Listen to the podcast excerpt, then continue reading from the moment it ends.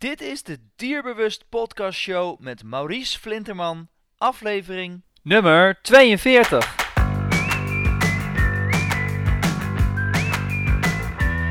Welkom bij de Dierbewust Podcast Show, waarin je luistert naar experts die je voorzien van de beste informatie, tips en tricks op het gebied van honden. Petra Driessen, holistisch gedragstherapeut, orthomoleculair en KPNI-therapeut. Gefascineerd door wat het lichaam en geest één maakt. Geraakt en ontroerd door de eigen wijsheid van honden die wat haar betreft hun autonomie zoveel als mogelijk behouden. Om die reden, een aantal jaar geleden, is ze begonnen met het trainingsvrij opvoeden in Nederland.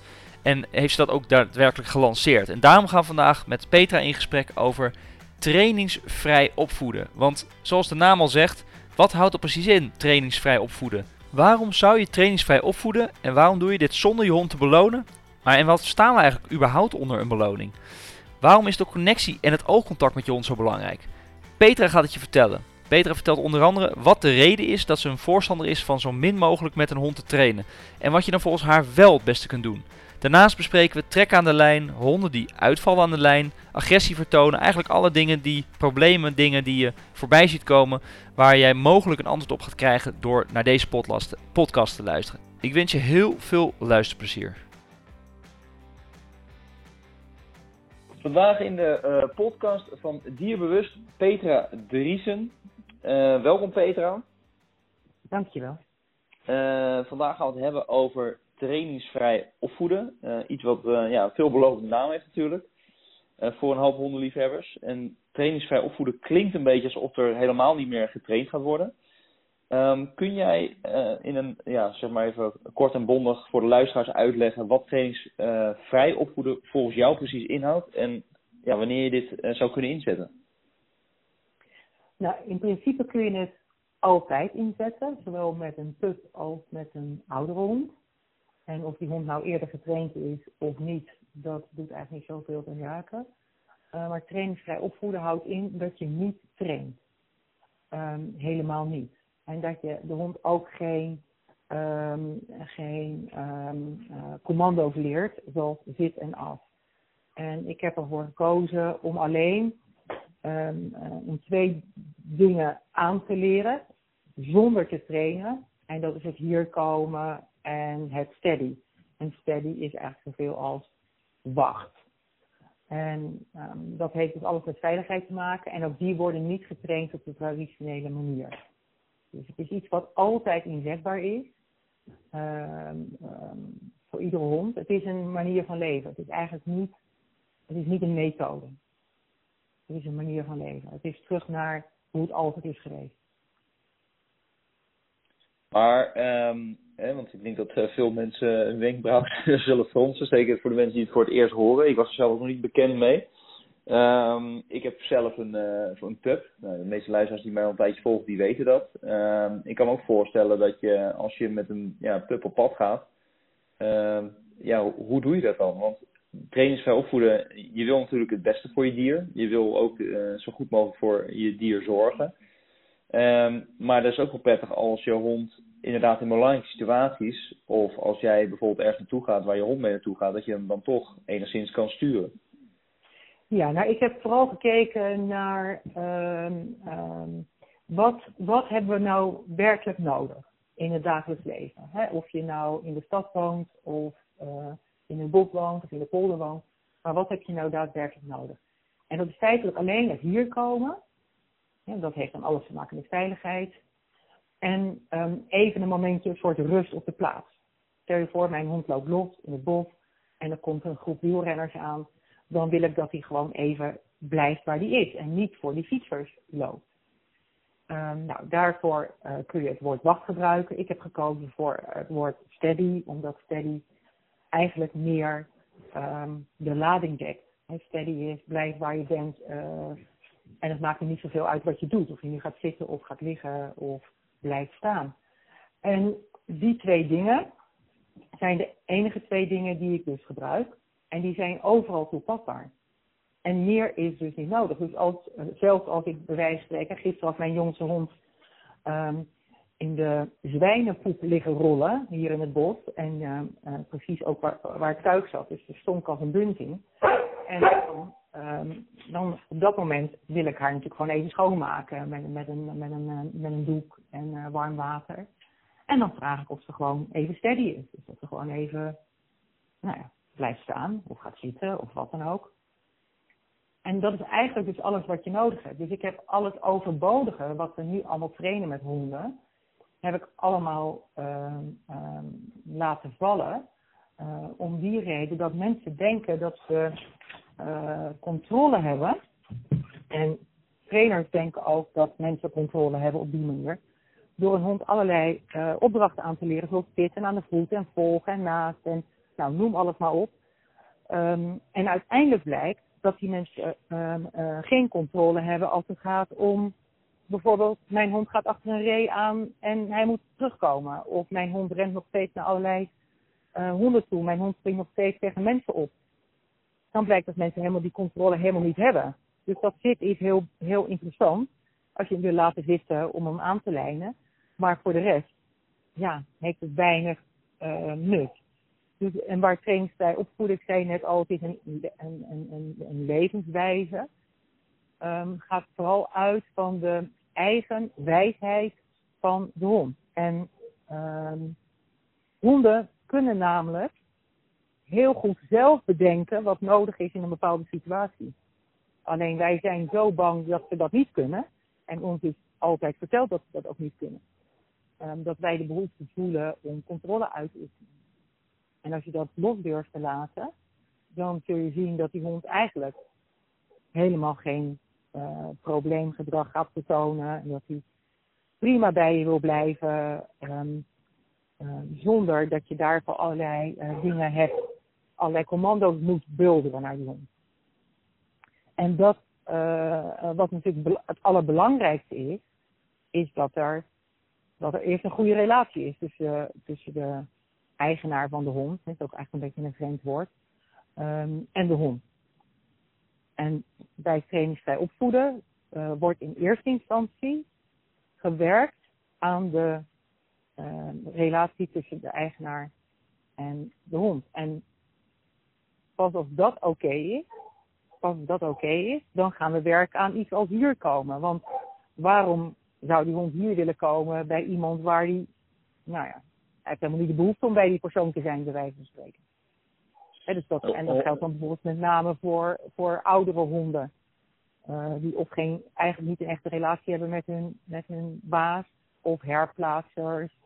Uh, dus honden, mensen halen een hond uit het profiel of uit het buitenland. En ja, en dan moet die hond hier komen. En dan is het natuurlijk logisch dat je dan een brokje nodig hebt. Om de dood eenvoudige reden ja, er is helemaal nog geen sprake van een relatie. Waarom zou die hond bij je willen komen? Dus dan moet je hem gaan lokken. Peter, als ik jou, eh, als ik jou goed begrijp, want je, je, je, je noemt een aantal uh, woorden, hè, het bulderen naar, naar je hond. Uh, ja. en, en, en als ik het goed begrijp, zeg je eigenlijk min of meer van het moment dat je dus commando's gaat uitvoeren, dan heb je dus geen binding met je hond.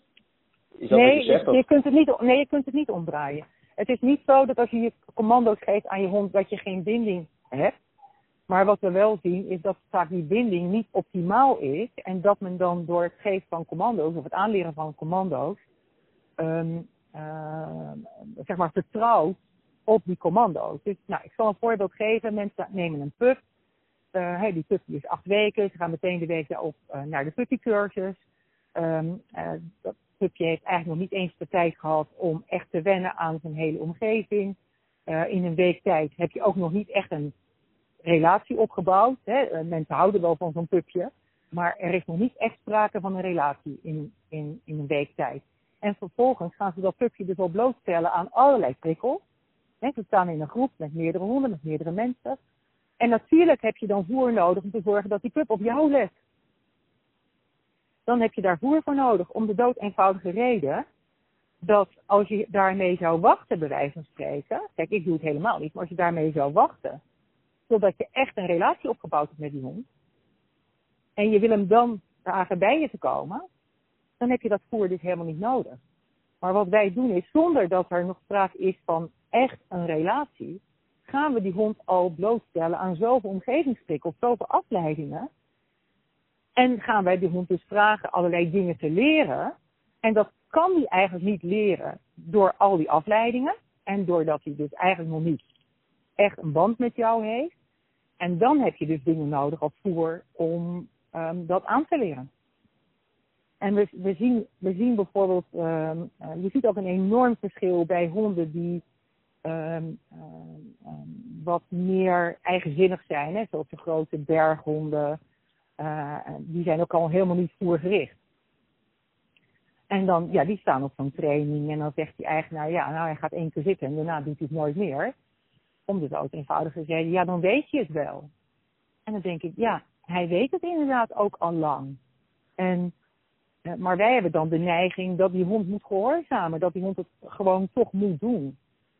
En dat, uh, nou, ik, ik werk natuurlijk al heel lang met honden en ik heb, ik heb gewoon in de loop der jaren gewoon ervaren dat um, het aanleren van allerlei commando's feitelijk een soort, um, ja, hoe zeg je dat? Dat je, dat je um, het gevoel hebt dat je controle hebt over je hond. Maar dat dat bij, in bijna alle gevallen dus voor de meerderheid van de hondenbezitters meteen wegvalt op het moment dat zich echt iets voordoet. Dus er springt inderdaad een ree voorbij of er gaat een kat uh, springt een kat onder, uh, onder de auto's door jouw kant op.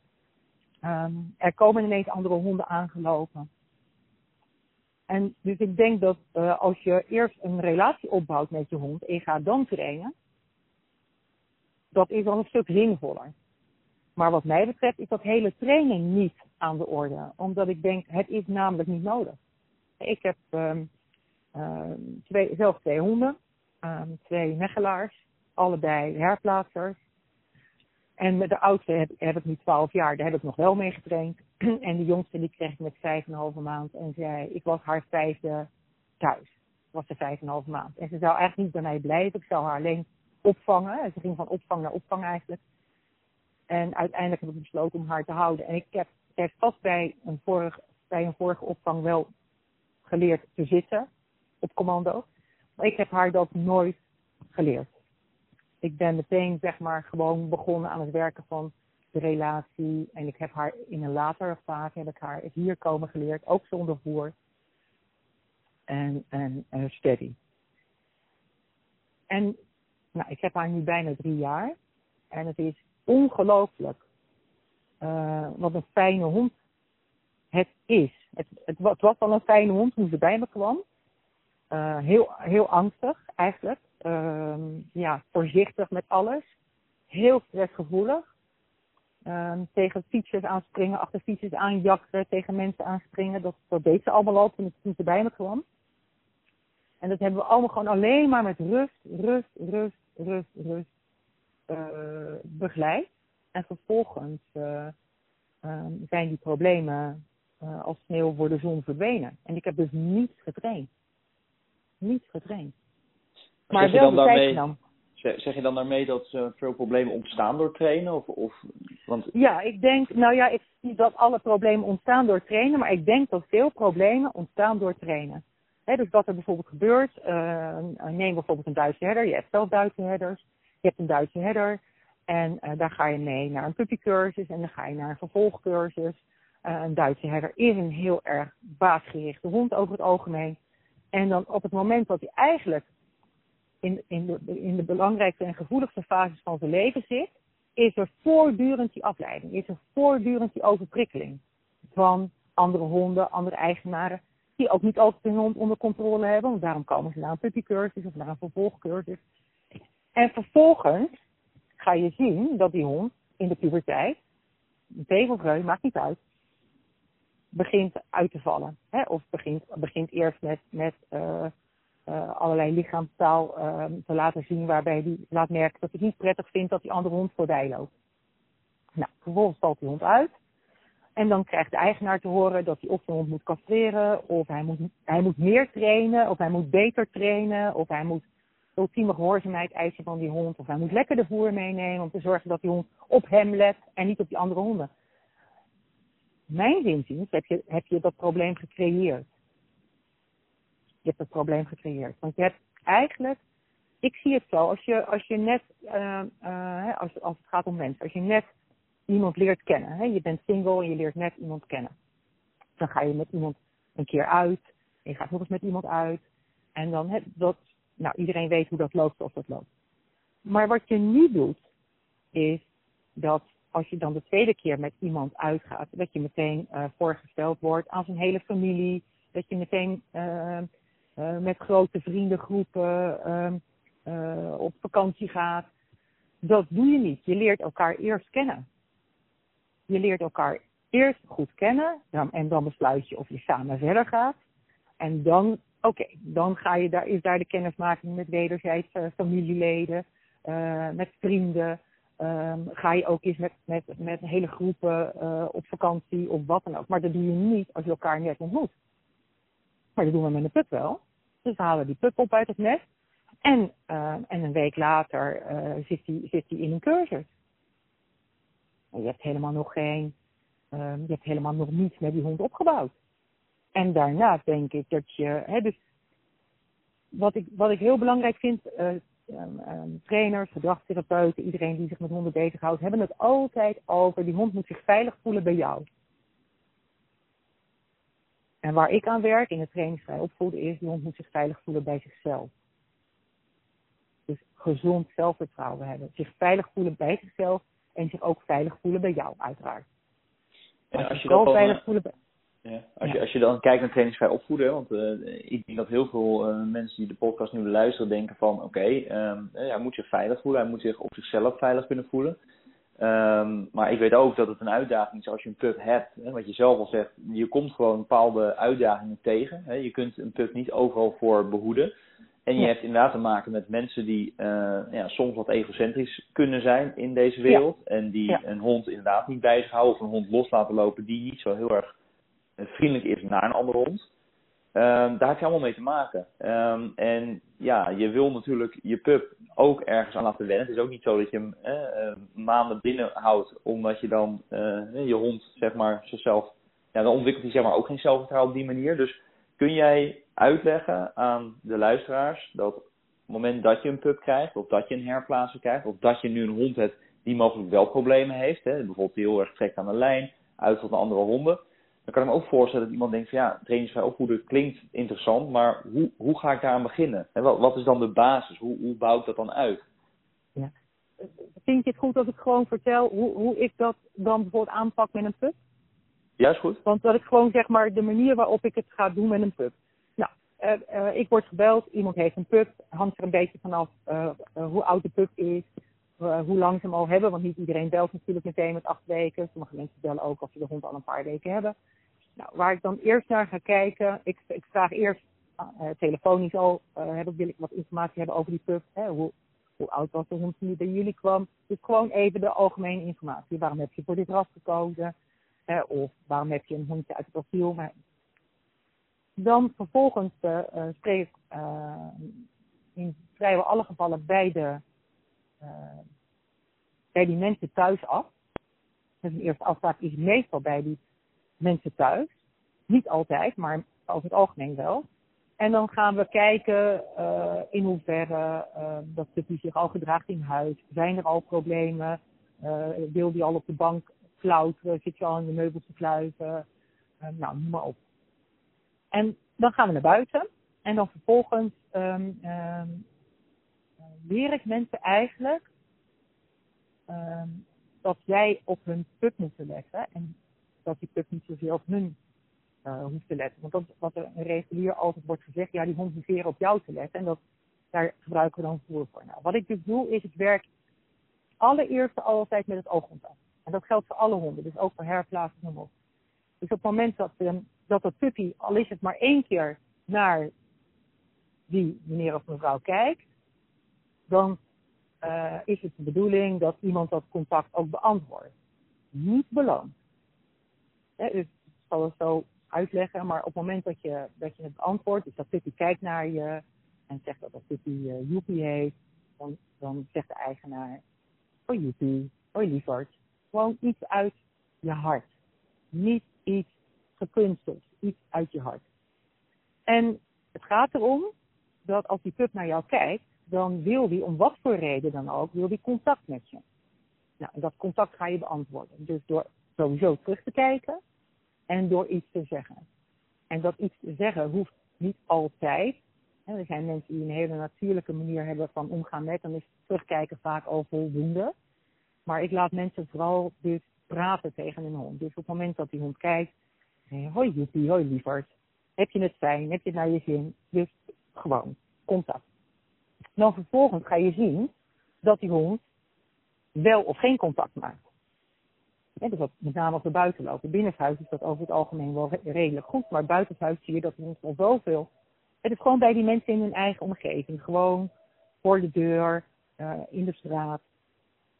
buiten is afleiding, dus is het voor die hond moeilijker om contact te maken. Nou, dus wat gaan we dan doen? Dan gaan we gewoon ergens zitten. Gewoon op de stoep of op een bankje of op, nou, waar dan ook. Gewoon uh, in een stukje gras. En dan ga je eigenlijk een rustmoment opzoeken. En dan zie je dat die pup 9 van de 10 keer gewoon uit zichzelf al lekker bij je komt. Nou, dus dat oogcontact is iets wat de rest van het leven blijft, maar wat je vooral zeg maar in het begin heel erg um, beantwoordt. Je, je, de, de hond moet zich gezien voelen. En dan is het natuurlijk belangrijk dat uh, ik leg dat altijd uit aan mensen, als je, als je weet dat um, wolven, welpen van 12 weken oud, kunnen al 1200 verschillende mimische uitdrukkingen in elkaars gezicht herkennen. 1200. Welpjes van 12 weken oud. Dus die pup die naar jou kijkt, die luistert niet alleen naar jou, maar die kijkt ook dus naar al die uitdrukkingen die jij met jouw gezicht, met jouw mimiek uh, uitdraagt. Dus ik probeer mensen zeg maar te laten, echt te laten communiceren met, met hun pup en dan vanuit hun hart.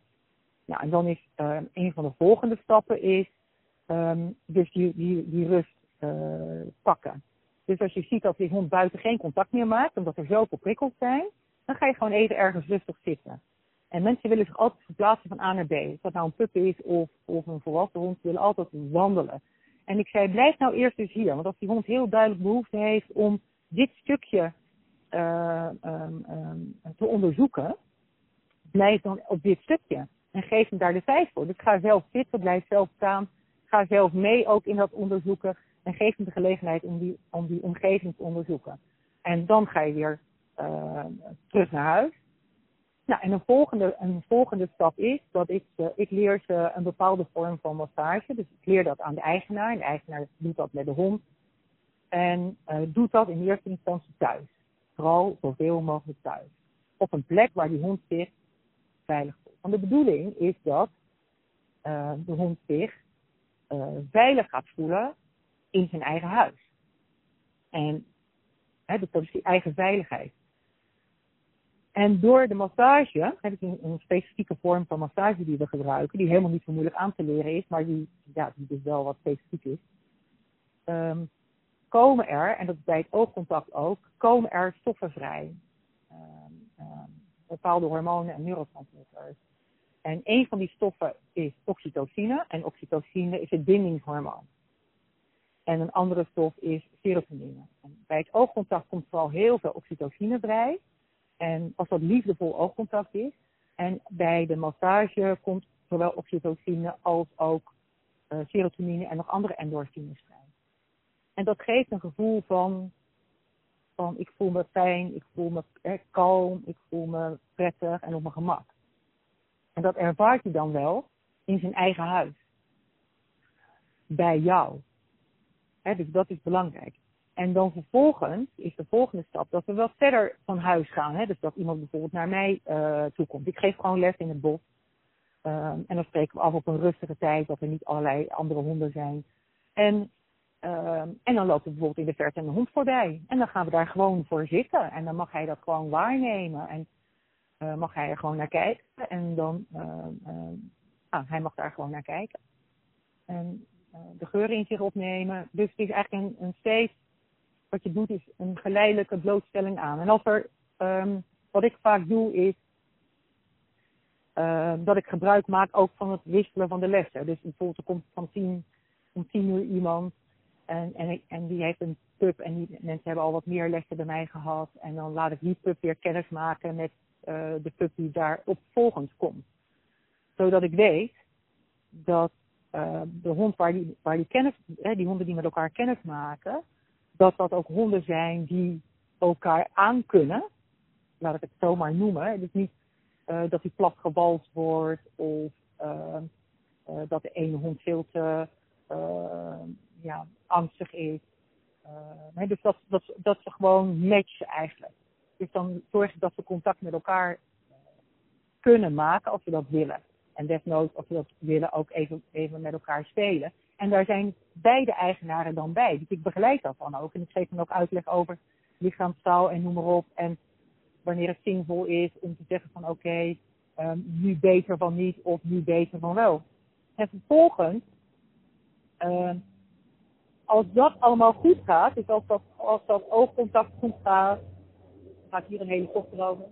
En als het, um, als het uh, masseren goed gaat en als er echt rust is um, uh, en die hond zich echt um, prettig en comfortabel voelt in zijn eigen huis. En hij zich echt prettig en comfortabel voelt bij de eigenaar. En, en dat, ga je gewoon zien aan, aan, uh, aan de hond. Dan pas ga ik dingen aanleren zoals hier komen en steady. En dat doe ik dan ook helemaal zonder voer. Dus in de hele, in geen enkele les van mij wordt voer gebruikt. Helemaal niet. En wat je dan ziet is dat alle honden alle honden waar, waarmee ik dit in de afgelopen jaren heb gedaan, makkelijke honden, moeilijke honden, um, uh, is, is het geen enkel probleem om die twee dingen aan te leren.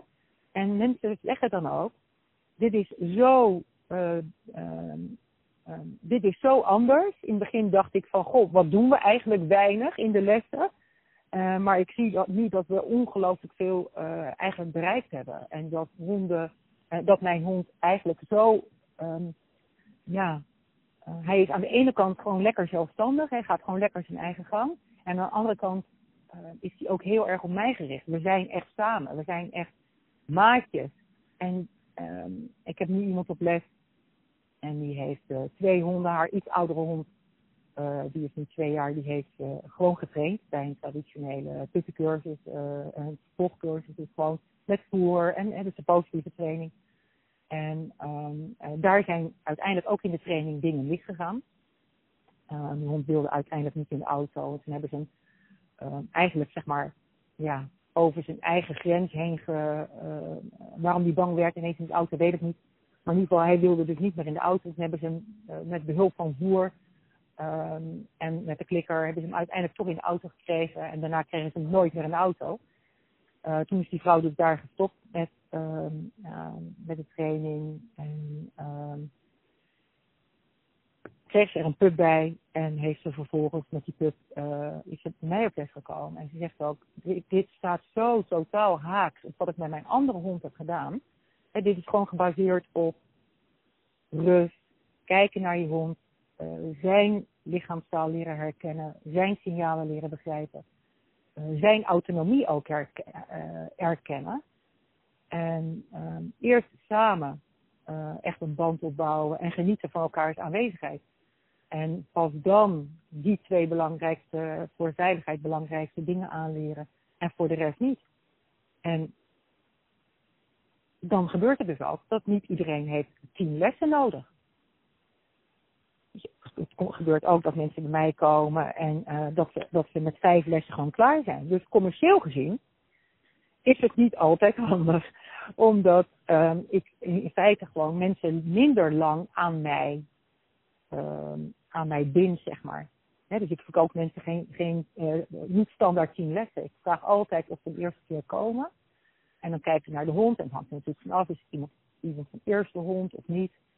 Um, en dan kijk ik naar de hond.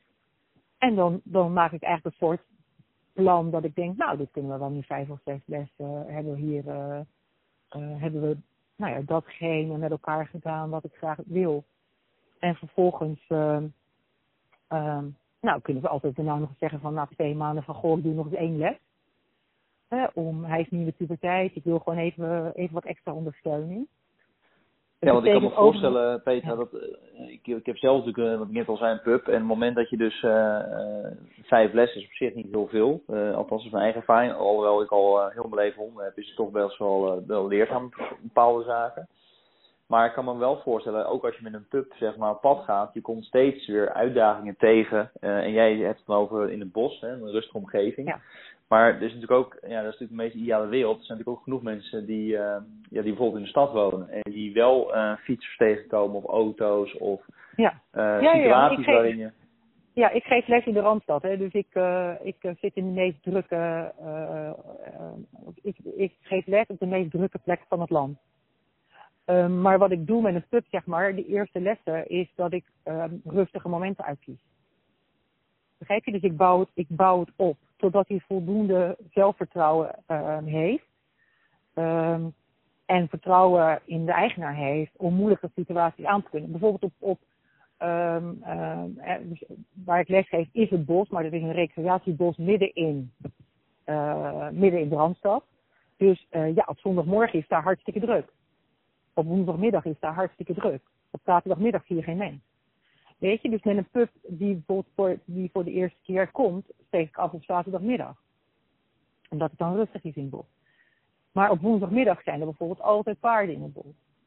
Weet je, dus uh, een, een, een, derde les kan zijn, kom op woensdagmiddag. Want dan zijn er, uh, dan zien we vooral veel paarden in het bos. En dan hebben, hebben we uh, van de manege ook buitenritten met gehandicapte kinderen.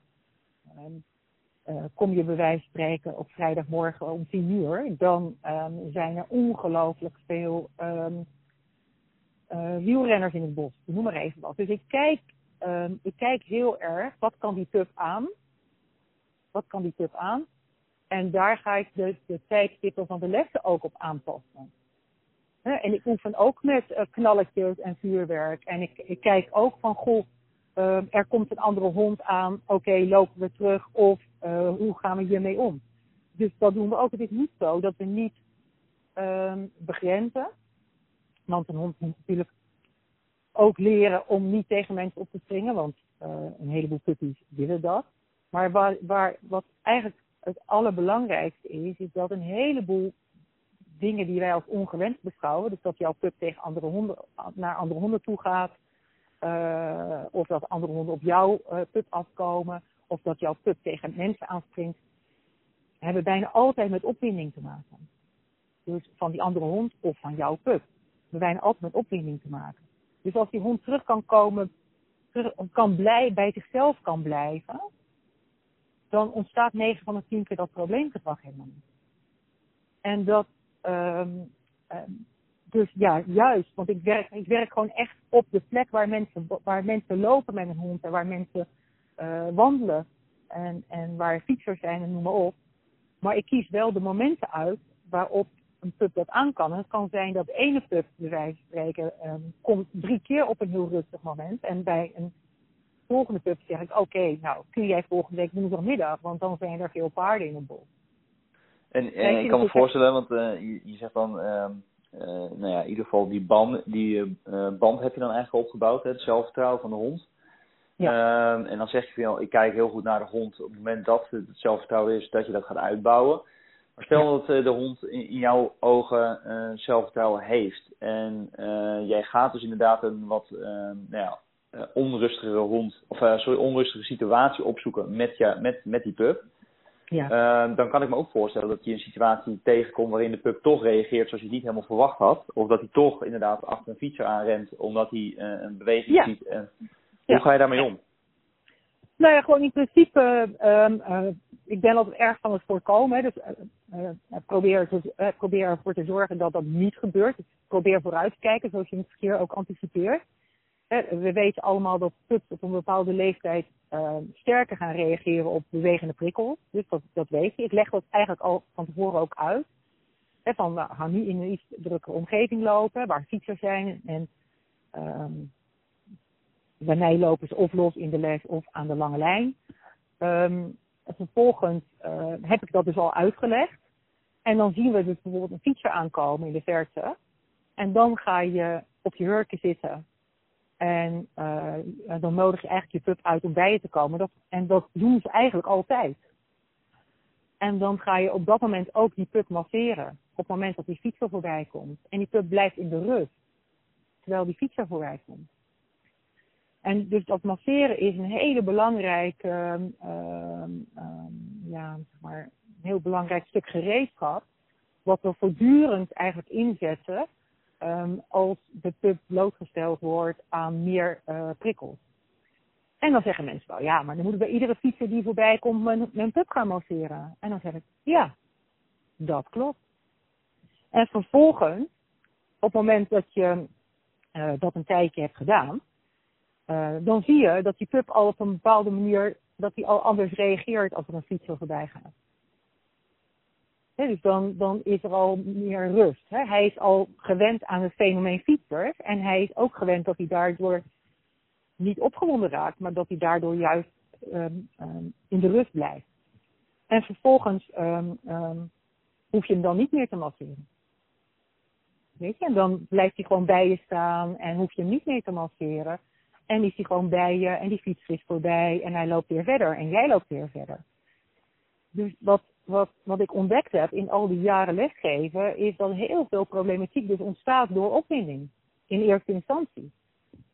En als je dus zorgt dat die, dat die enorme opwinding niet ontstaat, bij je put of bij je volwassen hond, dan ontstaat dus ook het probleem niet.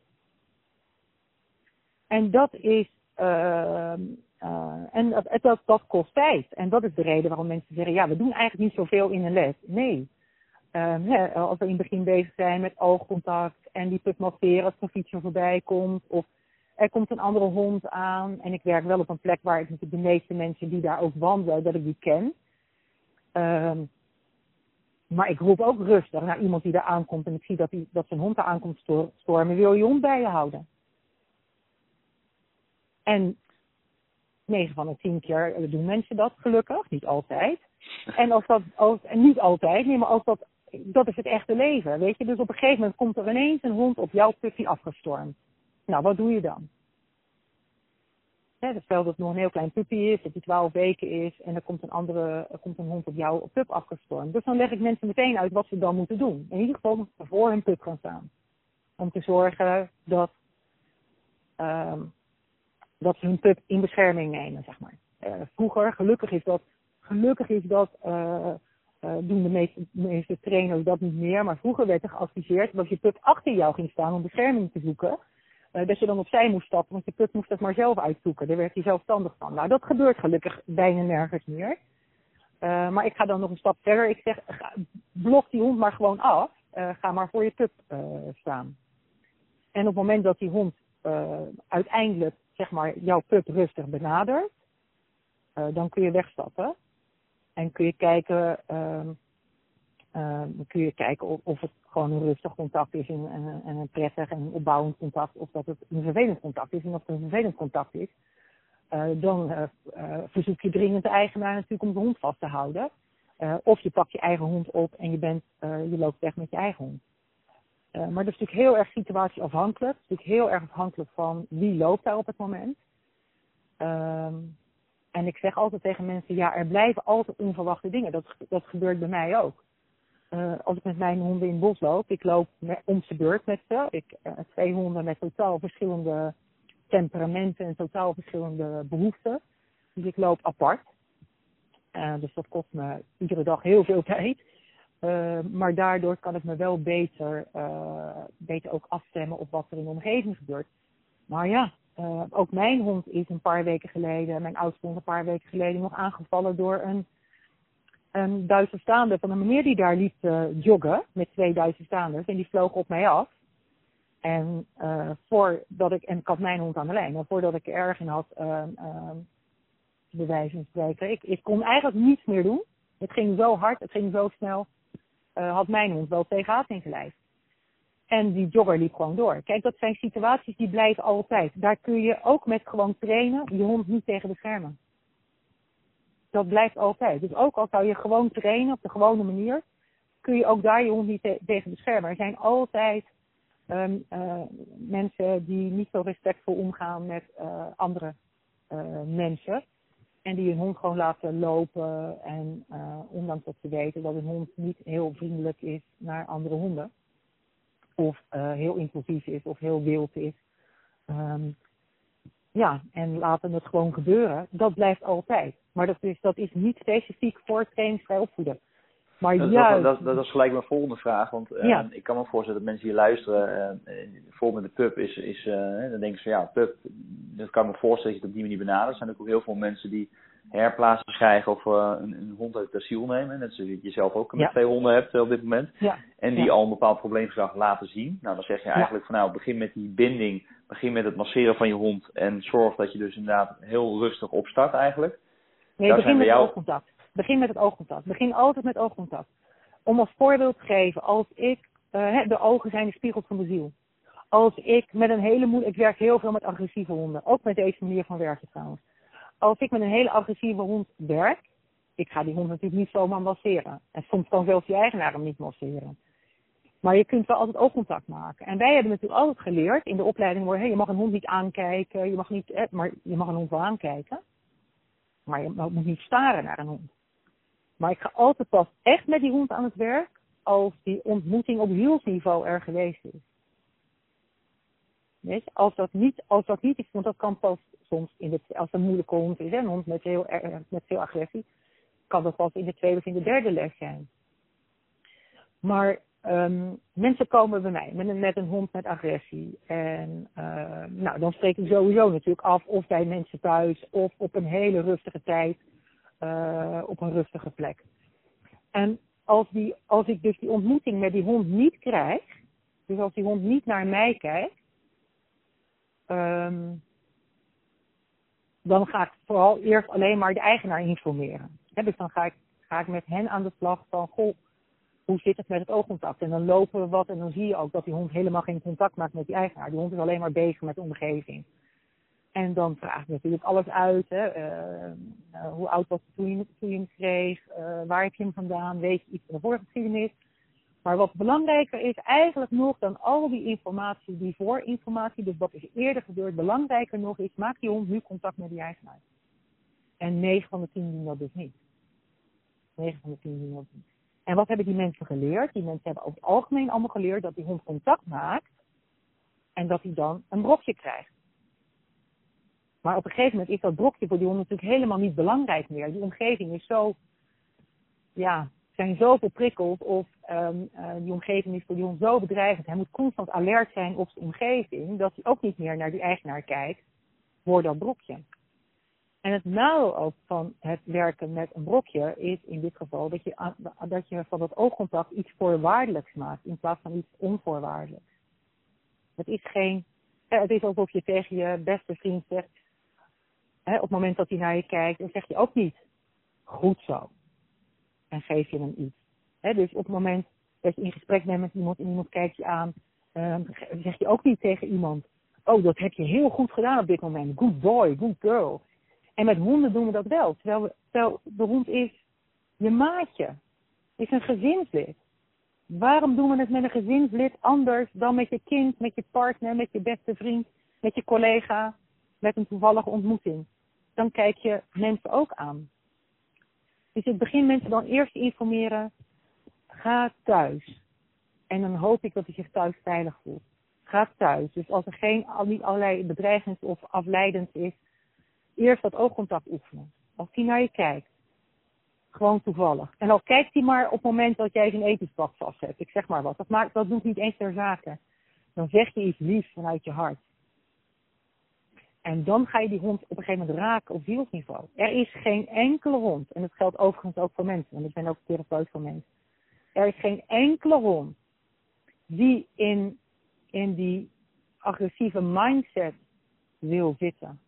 Er is geen enkele hond die angstig wil zijn. Er is geen enkele hond die uh, wil trekken aan de riem, omdat hij dat zo fijn vindt. Er is geen enkele hond die um, een andere hond bewust aan wil vallen. Het zijn allemaal, het zijn allemaal, um, uh, ja, zeg maar, ze, ze, ze, raken in die modus. En uiteindelijk kunnen ze niet meer uit die modus um, terugkomen naar rust en kalmte. dus naar een stukje, ja, noem het maar mindfulness.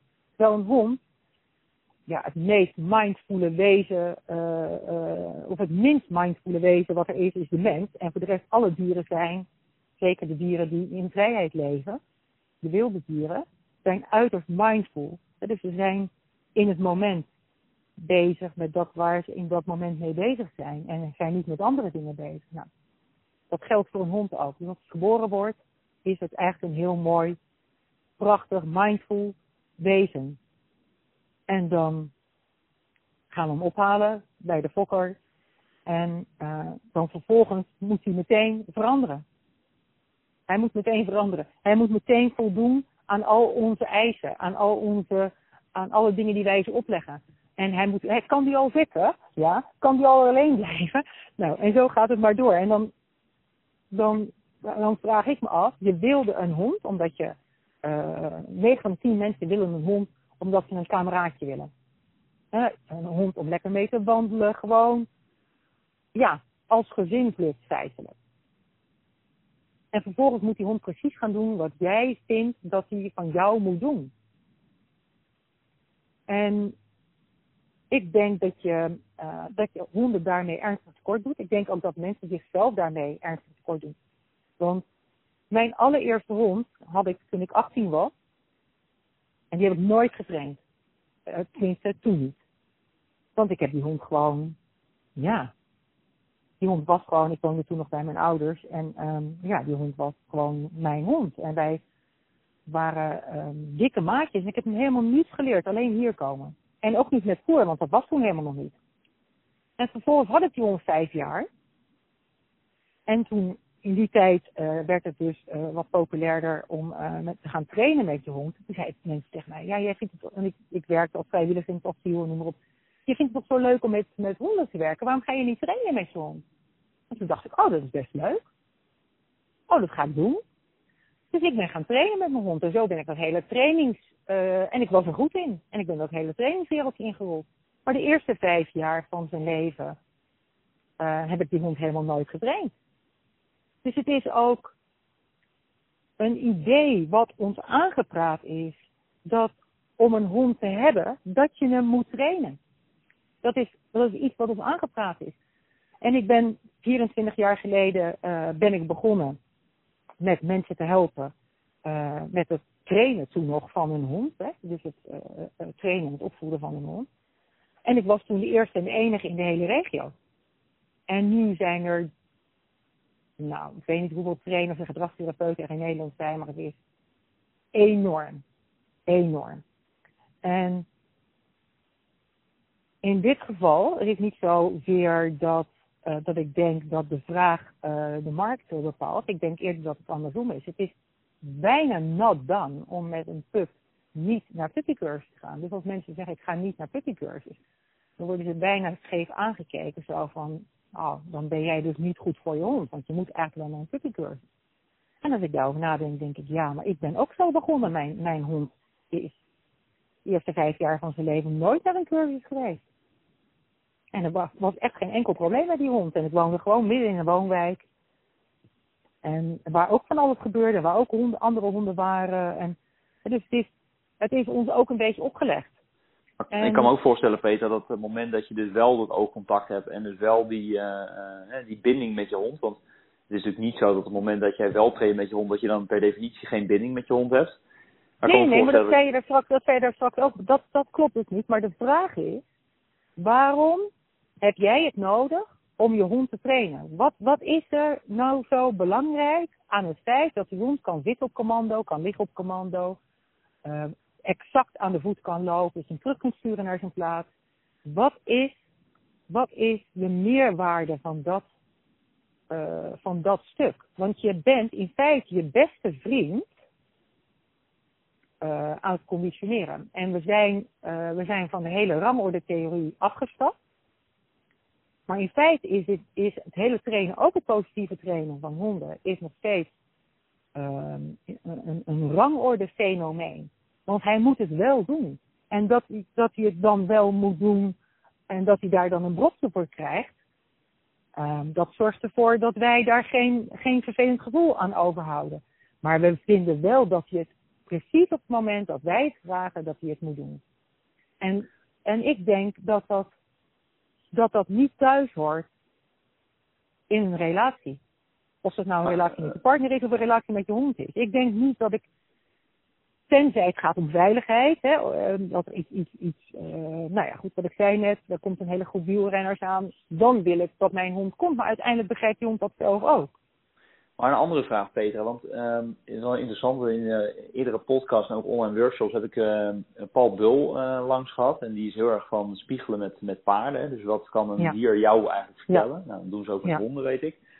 Um, maar het, dan moet ik heel erg oppassen hoe ik dat zeg. Want als je het, het woord leiderschap gebruikt, dan krijgen mm -hmm. heel veel mensen daar gelijk een hele nare bijsmaak van. Ja. Maar op het moment dat jij met je honden op pad bent en er komt een dient zich een situatie aan waarin je dus het idee van hé, hey, dit zou een onveilige situatie kunnen uh, gaan worden, dan heb je toch leiding, kun je dan geven, om zeg maar die honden te sturen zodat je daar veilig omheen gaat. Dus de vraag is, heb jij dan als je met je honden uh, op pad bent, heb jij dan leiderschap? Hè? Dus stuur jij wel aan of uh, doe je dat op een hele andere manier? Um, soms. Het is, um, het, het is het is veel meer gebaseerd op samenwerking. Kijk, uiteindelijk heb ik natuurlijk wel de leiding. Want we, we zitten hier met z'n drietjes in een huis. En um, he, ik bepaal al wanneer we naar buiten gaan. En ik bepaal al wanneer ze eten krijgen. Dus in feite uh, geef je in dat um, gids je al, als het ware. Maar ik zal een voorbeeld geven van, ja. van heel, heel vroeger. Toen ik nog volop trainde. En, en, en dus ook mijn eigen hondenschool al had en nog volop les gaf. En ik liep in, in, in datzelfde bos waar ik les geef. Dus dat is echt een recreatiebosje. En ik liep daar met drie, ik had toen negen honden. En ik liep daar met drie van de negen honden, liep ik daar buiten. En die liepen gewoon los. En, um, en er kwamen ruiters aan. Het was verder vrij stil in dat, in dat bos. En er kwamen ruiters aan. En ik hoorde die al van ver aankomen, echt aankomen galopperen. En met veel geschreeuw en zo. Dus ik dacht, nou, dat zijn gewoon... Uh, jongelui en uh, lekker baldadig door dat bos heen. Nou, dat klopte ook. Dus die gingen me eerst aan de ene kant voorbij. Dus ik bleef even staan met mijn honden totdat ze voorbij waren. En vervolgens liep ik op een pad. En dat pad werd gekruist door een ruiterpad. En ik hoorde ze uit de verte al aankomen, dus ik bleef staan. En dat, zeg maar, dus het ruiterpad hield even op. Dan een stuk fietspad, dus geasfalteerd. En dan weer ruiterpad. Dus ik bleef staan op dat fietspad dat geasfalteerde stuk, uh, een beetje op afstand, zodat zij uh, over konden steken. En het ging in volle galop. En ik dacht nog op dat moment, er hoeft niet zoveel te gebeuren en dan gaat het mis. Nou, dat gebeurde dus ook. Dus die, um, uh, die voorste twee ruiters, die, die stoven over dat geasfalteerde stuk heen. En die um, galoppeerden verder. En die achterste ruiter ook, dat was een jonge, jonge knul. En die, dat paard komt op dat geasfalteerde stuk, zet af. Ik zie het gewoon nog voor, zo voor me gebeuren en gaat onderuit. Dus glijdt onderuit. Zo. En die, dat paard valt. En die jongen natuurlijk ook. En die, dat paard ligt, valt op die jongen. Oei. Bovenop, bovenop de jongen, ja. En die uh, haak, zeg maar. Dus die jongen lag lang uit, zeg maar, op het asfalt. En dat paard lag er dwars overheen, als een soort wig ik heb niet zo heel veel met paarden. ik, uh, ik, heb nooit, ik heb wel met paarden gewerkt, maar ik, ik ben, ik vind het geweldige dieren. Maar ik, ik weet niet voldoende van hun lichaamstaal of wat dan ook, om er echt mee om te kunnen gaan. Nou. Maar er was verder niemand in dat bos. En die twee andere jongelui waren gewoon doorgegalopeerd. Die kwamen niet terug om te kijken waar hun vriend of wat dan ook bleef. Dus, en ik stond daar met drie honden. Dus ik zei tegen mijn honden, ik zette ze aan de kant, daar aan de kant neer. En het enige wat ik tegen ze gezegd heb, is blijf. En ik liep naar die, naar die uh, jongen toe. En, ik, en die jongen schreeuwde moord en brand. De jongen schreeuwde moord en brand. En die schreeuwde. Die was helemaal in paniek. En ik zei alleen maar tegen die jongen, rustig, niet schreeuwen, rustig, niet schreeuwen. Ik ga je helpen. Ik ga je helpen. Dat was in de tijd dat we nog geen mobiele telefoons hadden. Hè? Ik ga je helpen. En um, ik heb uiteindelijk, hè, dus ik heb een ook gekalmeerd. En ik heb uiteindelijk zeg maar uh, dat paard bij de teugel beetgepakt. En uiteindelijk, want dat paard lag dus daar. Die lag helemaal, helemaal los met zijn poten, uh, benen moet ik dan zeggen, uh, van, de, van het asfalt. Dus die kon zich ook niet afzetten om weer overeind te komen.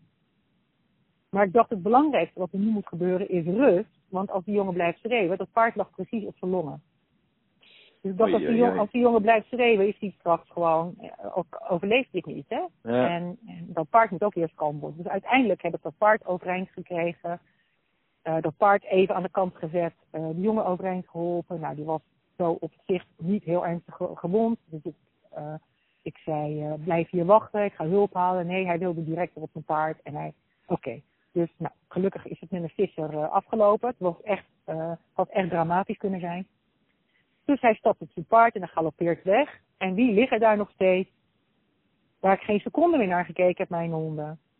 Alle drie daar gewoon. En hoe komt dat? Die honden weten donders goed, donders goed, dat er echt iets aan de hand is.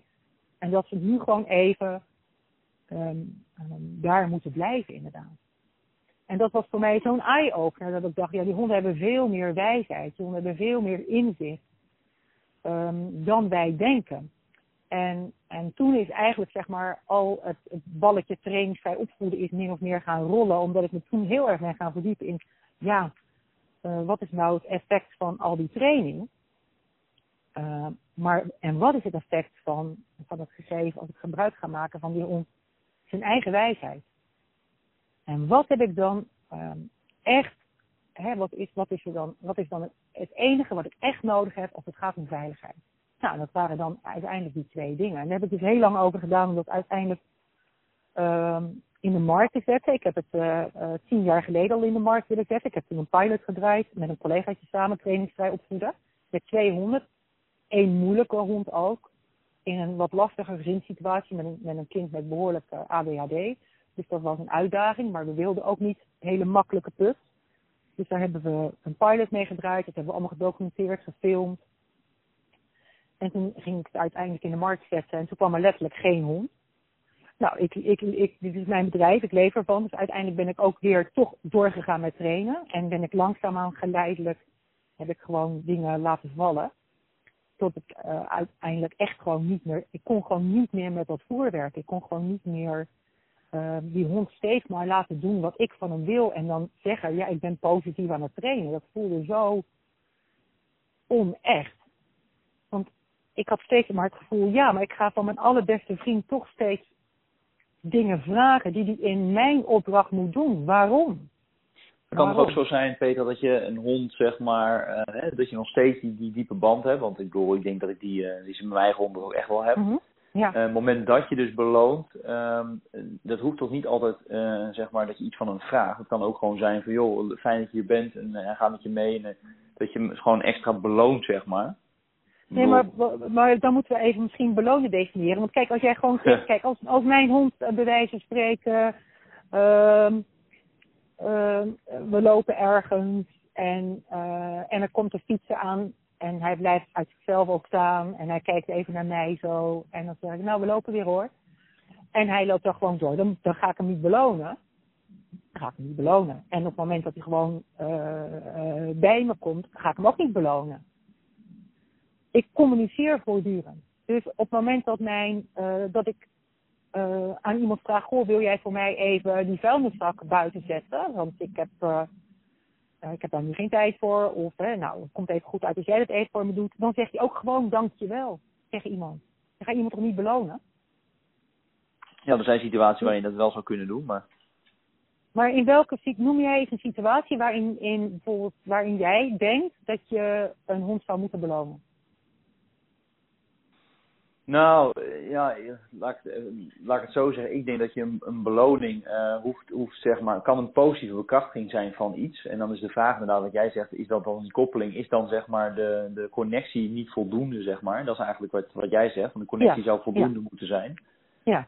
Maar ik kan me wel voorstellen op het moment dat je dus het oogcontact hebt en alle situatie gaat goed en een fietser uh, uh, gaat voorbij en de hond die gedraagt zich dus inderdaad, hè, die, die piekt niet in die, uh, hij blijft dus zeg maar kalm, hè, wat jij net zegt. Ja. Dan kan ik me voorstellen dat je hem beloont voor de situatie dat hij zeg maar kalm is gebleven.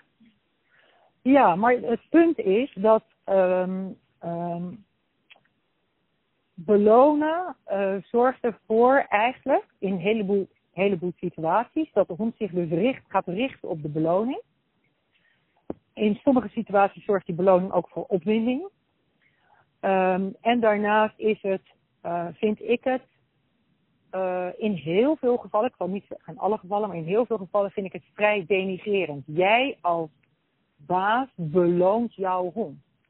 Um, in een relatie hoort belonen niet thuis. Dus niet in een partnerrelatie, niet in een ouder-kindrelatie en ook niet in een. We zien dat ook, we zien dat ook in. Ik heb een groep van negen honden gehad. Die negen honden belonen elkaar niet. Honden belonen elkaar niet. Honden waarderen elkaar. Dat is iets anders.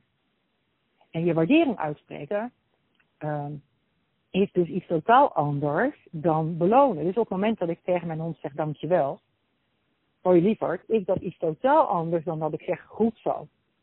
Begrijp je? Want dat goed zo is altijd vanuit een stuk autoriteit. of braaf. Of een brokje geven. is altijd vanuit een stuk autoriteit. Terwijl dankjewel zeggen is vanuit, um, vanuit um, uh, hoe zeg je dat? Vanuit samen zijn. Iets samen.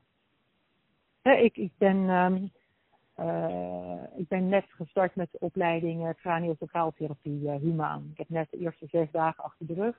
En dan moeten we op elkaar oefenen. En dan, uh, dan moet je elkaar ook feedback geven. Hè, dus dan zeg je van nou, volgens mij was je handplaatsing nu iets te hoog. Het mag een beetje naar beneden, het mag iets zachter, het mag iets meer. Weet je, dus je geeft elkaar wel aanwijzingen. Uh, en op het moment dat we zeg maar, klaar zijn met een bepaalde uh, ja, zeg maar vaardigheid, uh, uh, ja, het oefenen op elkaar, zeg je tegen elkaar dankjewel. Dankjewel. Dank je voor de, dankjewel voor deze ervaring, dankjewel. En bij een hond hoeft dat dus niet anders te zijn. Dus op het moment dat, zoals gisteren, mijn hond in de poep heeft liggen rollen, in de, in de zwijnenpoep heeft liggen rollen en ik maak haar schoon en ze blijft lekker staan, zeg ik dankjewel meisje, ja, je bent bijna schoon. Zo, en dan hoef ik haar niet te belonen. Dus belonen is altijd vanuit autoriteit. Dat is met honden zo, het is met paarden zo, dat is met alle dieren die we willen trainen zo. Het is vanuit autoriteit. En um, sterker nog, je haalt het dier dus weg bij zichzelf. En een heleboel honden gaan dus dingen doen om die beloning te krijgen.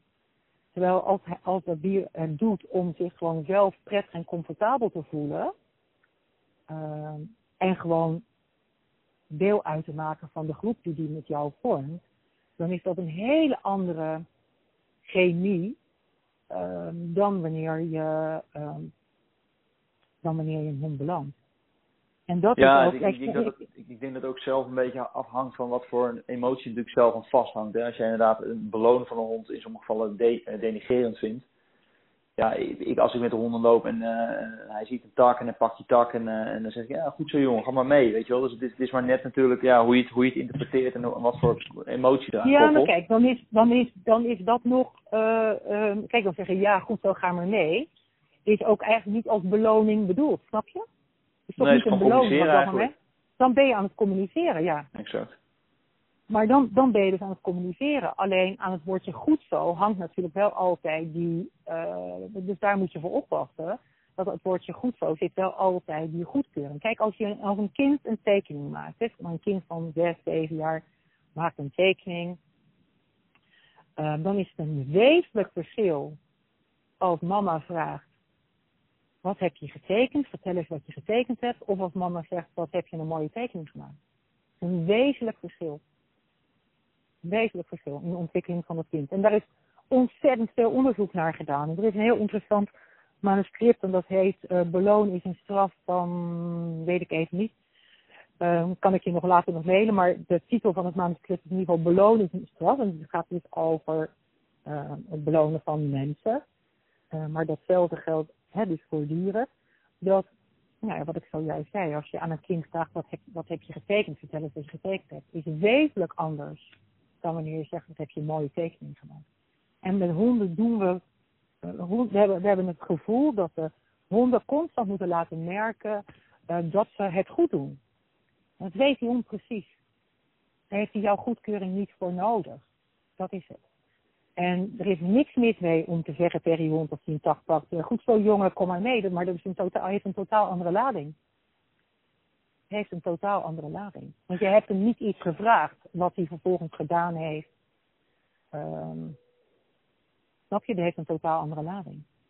En als je, dan terug gaat, en als je dan terug gaat naar het begin van het gesprek, want jij zei dat oogcontact is al heel erg belangrijk. En jij zei, vertelde ook van het moment dat je met zo'n hond aan de slag gaat, dan is het dus, hè, zeker met een wat moeilijke hond, heb je misschien niet altijd gelijk oogcontact. Maar op het moment dat je dus oogcontact wel legt, dan zeg je dus iets uit je hart. Maar is dat dan ook niet, zeg maar, is dat te communiceren of is dat meer beloning? Dat is dus meer communiceren eigenlijk, als ik het goed begrijp. Nee, communiceren, ja.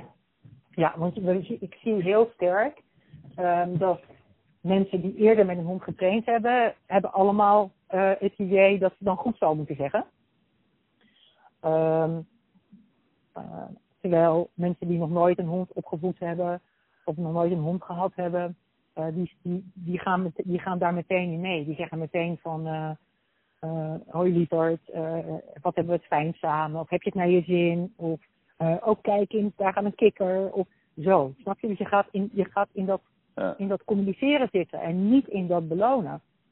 En dus um, uh, ja, zo, zoals je dat ook tegen een, tegen een mens zou doen. Dus als ik iemand hier, uh, stel dat iemand voorbij loopt hier en, uh, en het is een, een, goede bekende, dan kijk je iemand ook aan en dan zwaai je en dan zeg je, hey, hoi, hoe is het?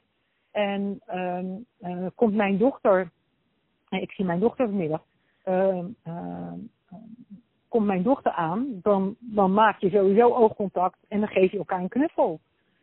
Maar op het moment dat ze naar me kijkt, zeg ik niet, goed zo, goed gedaan, knap hoor.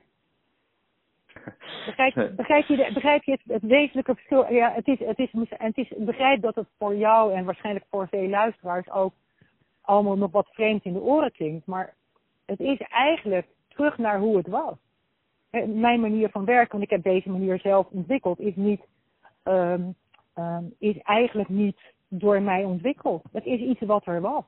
Het is, het is altijd zo geweest. Ik heb het met mijn eerste hond zo gedaan. En we zijn, we zijn dat kwijtgeraakt. We zijn dat gewoon kwijtgeraakt. Want je moet niet vergeten dat het hele trainen van honden is een naoorlogs gebeuren. Zo lang trainen we nog geen honden. voor de oorlog werden er dan nog wel uh, Ehm, ehm, eh, eh, schaapshonden getraind en dergelijke. Eh, maar het hele, het echte trainen met honden is na, na, na de Tweede Wereldoorlog pas eigenlijk echt, um, echt begonnen in Nederland. Ja, het, is wel grappig, het, het, is wel grappig dat je het zegt, want ik kan herkennen er zelf wel in. Ik bedoel, ik heb, uh, vanaf, uh, nou ja, ik heb eigenlijk nog nooit een dag zonder honden geleefd. En ik heb altijd vroeger ging ik op pad en dan was ik twee, drie uur op pad en dan nam ik altijd de hond mee. Die was altijd los en ja, het ging gewoon zoals het ging, zeg maar. Dus uh, daar was ook inderdaad geen beloning mee. En ja, blijkbaar communiceerde ik toen ook gewoon met de hond, zeg maar. Ja, maar als je nou kijkt... Nee, daarom. Maar als je nou kijkt naar een zwerver, hè? dus uh, zeg maar, uh, een zwerver is een beetje een, een, een dakloos. Zwerver is misschien een beetje een onaangenaam woord, maar iemand die dakloos is. En vooral in de grote steden zien we die natuurlijk veel. En dan uh, hebben veel van hen ook nog een hond. Maar die hond heeft helemaal niet allerlei kunstjes geleerd. Die dakloze, die, die deelt zijn, nou ja, zijn onderdak, hè, zijn kartonnen doos met die hond. Of, of, of zijn dekentje en deelt zijn eten met die hond. En die leeft in de meest bizar drukke omgeving die je maar kunt bedenken. Midden in de stad, waar constant mensen lopen, voorbij lopen met honden. Waar constant fietsers, scooters, verkeer enzovoort voorbij gaat. En toch zijn zij samen en toch zijn er geen problemen. Hoe komt dat? Ja, dat, Omdat dat, zij samen, dat, is een interessante vraag inderdaad. Want uh, als je daar naar kijkt, dan zou je ook uh, verwachten dat het natuurlijk, het, het, is geen training, hè, want dat is eigenlijk waar je op doelt. Maar aan de andere kant is het wel een stukje conditionering. Hè, want die hond die heeft ook moeten leren om met die drukte om te gaan, lijkt mij. En ik kan me ook niet voorstellen uh, dat die zwerver daar op zijn knietjes heeft gezeten om, om zeg maar, hem tot rust te krijgen door massage, zeg maar. Dus nee, maar dat hoeft geen, nee, maar dat hoeft geen massage te zijn, maar wel, wel heel erg wij samen. Wij hebben elkaar nodig. Ja. Er is een, een andere, dus een zeg maar, de, ja. de, de, de, het uitgangspunt is anders. Die hond komt bij die persoon, of die persoon komt bij die hond en ze, ze vinden in elkaar iets wat ze allebei nodig hebben. En dat, dat, zonder daar woorden aan vuil te maken en inderdaad zonder te masseren. Maar op het moment dat het koud is, laat die man wel ook zijn jas om zijn hond heen. Begrijp je wat ik bedoel? Ja, no, no. onvoorwaardelijk dus. Ja, het is onvoorwaardelijk. Het is veel meer samen. En wat wij doen met een pup, is, nou, hij komt in huis en we houden onvoorwaardelijk veel van die pup, meteen. Maar mits, mits hij maar doet wat we willen. Mits, mits hij maar doet wat wij willen. En, en, en het echt waar, in het, in het trainingsvrij opvoeden zijn we ook bezig met begrenzen. Natuurlijk, hij mag niet op het aanrecht springen. Um, en natuurlijk mag die hond niet aan de meubels kouwen, maar we, we doen dat op een andere manier. Dus wat er gebeurt is dat juist um, die, die echtheid van die hond, die, die, waar, om die, en welke reden jij die hond zo graag wilde, omdat alles in dat hondje wat jou aansprak, daarom koos je dat pupje. Om dat zeg maar te behouden. Om dat, om dat echt te laten zijn. En wat heel grappig is, is ik heb um, um, uh, want zeg maar die, die uh, ik vertelde over die eerste aanleiding eigenlijk met die gebeurtenis in het bos met dat paard wat viel. Dat was eigenlijk een reden om te gaan twijfelen aan alle trainen. Dat honden gewoon niet zelf heel veel wijsheid hebben. Maar er zijn natuurlijk nog talloze uh, gebeurtenissen geweest die iedere keer weer mij teruggefloten hebben. Zo van ja, weet je, dat, dat trainen hoeft helemaal niet. Dat is helemaal niet nodig. En we halen honden eigenlijk bij zichzelf weg. Hè. Ze, ze raken hun autonomie kwijt. En we maken, van, we maken eigenlijk marionetten van ze, zodat ze ja, doen wat wij willen. En dat noemen we dan uh, ultiem uh, leiderschap. Um, maar er zijn natuurlijk een heleboel gebeurtenissen geweest in mijn leven die me iedere keer weer terug, teruggefloten hebben. En totdat het moment kwam waarop ik het gewoon niet meer kon. Ik kon gewoon niet, ik kon gewoon niet meer honden trainen. En um, wat je, wat je ziet ook is bijvoorbeeld, uh, uh, ik, ik um, heb elf jaar ook uh, in het hele hulphondenwereldje gewerkt, part-time. En daarin heb ik vele dingen gezien. een aantal mooie dingen, maar ook een aantal veel minder mooie dingen. Maar wat je bijvoorbeeld ziet bij honden, en dan, dan kom ik eigenlijk ook weer een beetje terug, zeg maar, wat jij vertelde over uh, die meneer, ik ben naam kwijt, met spiegelen met paarden. Bill, ja. Dat, ja, dat er situaties zijn waarbij bijvoorbeeld een hond uh, eigenlijk al bij zijn eigenaar gaat zitten, uh, omdat er iets staat te gebeuren. Dat heeft die, heeft die hond niet geleerd. Dat zijn eigenlijk de ultieme hulphonden, zeg ik altijd. Het is die hond die zelf al voelt, zelf al weet dat er iets met die eigenaar staat te gebeuren. Dus dat die eigenaar een epileptische aanval krijgt of wat dan ook. En die dus, bij, die dus waakzaam is bij zijn eigenaar. En um, ik denk dat alle honden die wijsheid nog hebben. Alle honden, mensen ook trouwens. Maar dat juist door ze te trainen, dat ze wegraken van die eigen wijsheid. En mijn hond uh, ja, ik denk vorig jaar was dat. S'avonds laat uh, te piepen, de jongste hond te piepen, te piepen, steeds naar buiten willen. Ik dacht, nou oké, dan gaan we naar buiten. Uh, maar niet hoeven te plassen, niet hoeven te poepen, niks. Maar er groeit hier van alles. En um, wat deed ze? Ging uh, van twee planten, twee verschillende planten, gingen ze daar wat van eten. Van twee verschillende planten. En al die andere planten liet ze allemaal staan. Nou, ik werk heel veel met kruiden en met wilde planten, dus ik wist ook wat ze at. Maar ik dacht, nou oké, laat maar gaan. Dus ze heeft daarvan staan eten. We hebben een kwartiertje buiten gestaan. Ik heb haar gewoon laten gaan. Ik heb haar gewoon van die planten laten eten. En uiteindelijk nou, stopte ze zelf. Zijn we weer naar binnen gegaan. En de onrust was over. Dit had last aan haar buik of wat dan ook. In ieder geval was er aanleiding om van die planten te eten. En ze kiest zelf die planten uit die ze dus op dat moment nodig heeft. En mensen, ja, maar met mijn hond durf ik dat niet. Nee, hoe komt dat? Als een hond, als je een hond zo ver bij zijn eigen wijsheid, bij zichzelf vandaan haalt, kan die ook niet meer de juiste beslissingen nemen. Snap je wat ik wil zeggen? Zeker, dus, zeker. Ja, ja, zo, absoluut. Ja. Het is dat um, bij mensen wordt altijd gezegd, ja, volg je hart, volg je hart. Nou, 99 van de 100 mensen volgt helemaal niet zijn hart, eh, maar doet wat hij moet doen. Dus hij, heeft, heeft, zit, uh, hij zit in een, in een, in een, ehm, in een werkverband waar hij helemaal niet op, op zijn plaats is. Hij zou eigenlijk veel liever iets anders doen met zijn leven. Um, en daardoor kun je op een gegeven moment raak je dus heel erg weg van jezelf. En ook dat leven is volledig geconditioneerd. Er zijn nu eenmaal conditioneringen die je, uh, uh, die je jezelf aandoet. En er zijn conditioneringen die gewoon ja, gebeuren, die gewoon nodig zijn. Hè? Je ouders leren je al uh, dat je netjes moet eten, niet met je handen, maar met je bestekje. Dat zijn levenslange conditioneringen. En, uh, maar de overtuigingen ook die je meekrijgt, al vanaf dat je heel klein bent, dat je uh, vooral moet doen wat papa en mama zeggen. Dus in, in mijn geval, niemand heeft ooit geloofd dat ik uh, in het werken met honderden geld kon verdienen. Niemand.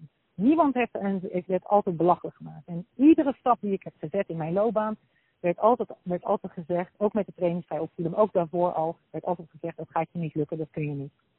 Dat gaat je niet lukken, dat kun je niet. Niet alleen door mijn ouders, maar door de hele omgeving. Nou, dat worden dan, hè, dat zijn dan op een gegeven moment overtuigingen. Toch is het me altijd gelukt. Ben natuurlijk ook honderd keer op mijn gezicht gegaan, maar weer opgekrabbeld en het weer opnieuw geprobeerd.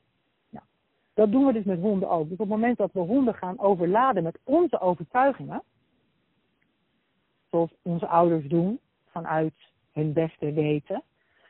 Uh, en uh, op school en nou noem maar op, hè, dus de, de, de, de basisschool, uh, middelbare school enzovoort. Dus we gaan een hond overladen met, met onze overtuigingen, hou je hem dus weg bij zijn eigen wijsheid. En dan krijgen we er allemaal van, krijgen we er allemaal maniacale honden. Dus we hebben nog nooit zoveel gedragsproblemen gehad als de laatste paar jaar. We hebben nog nooit zoveel hyperactieve puppies gehad als de laatste jaren. Ik had afgelopen zondag een uh, overleg met collega's die bij mij de opleiding training voor opvoeden doen. En um, het is verschrikkelijk hoeveel um, eigenlijk niet in balans zijnde puppies we al hebben op dit, uh, zeg maar de laatste paar jaar.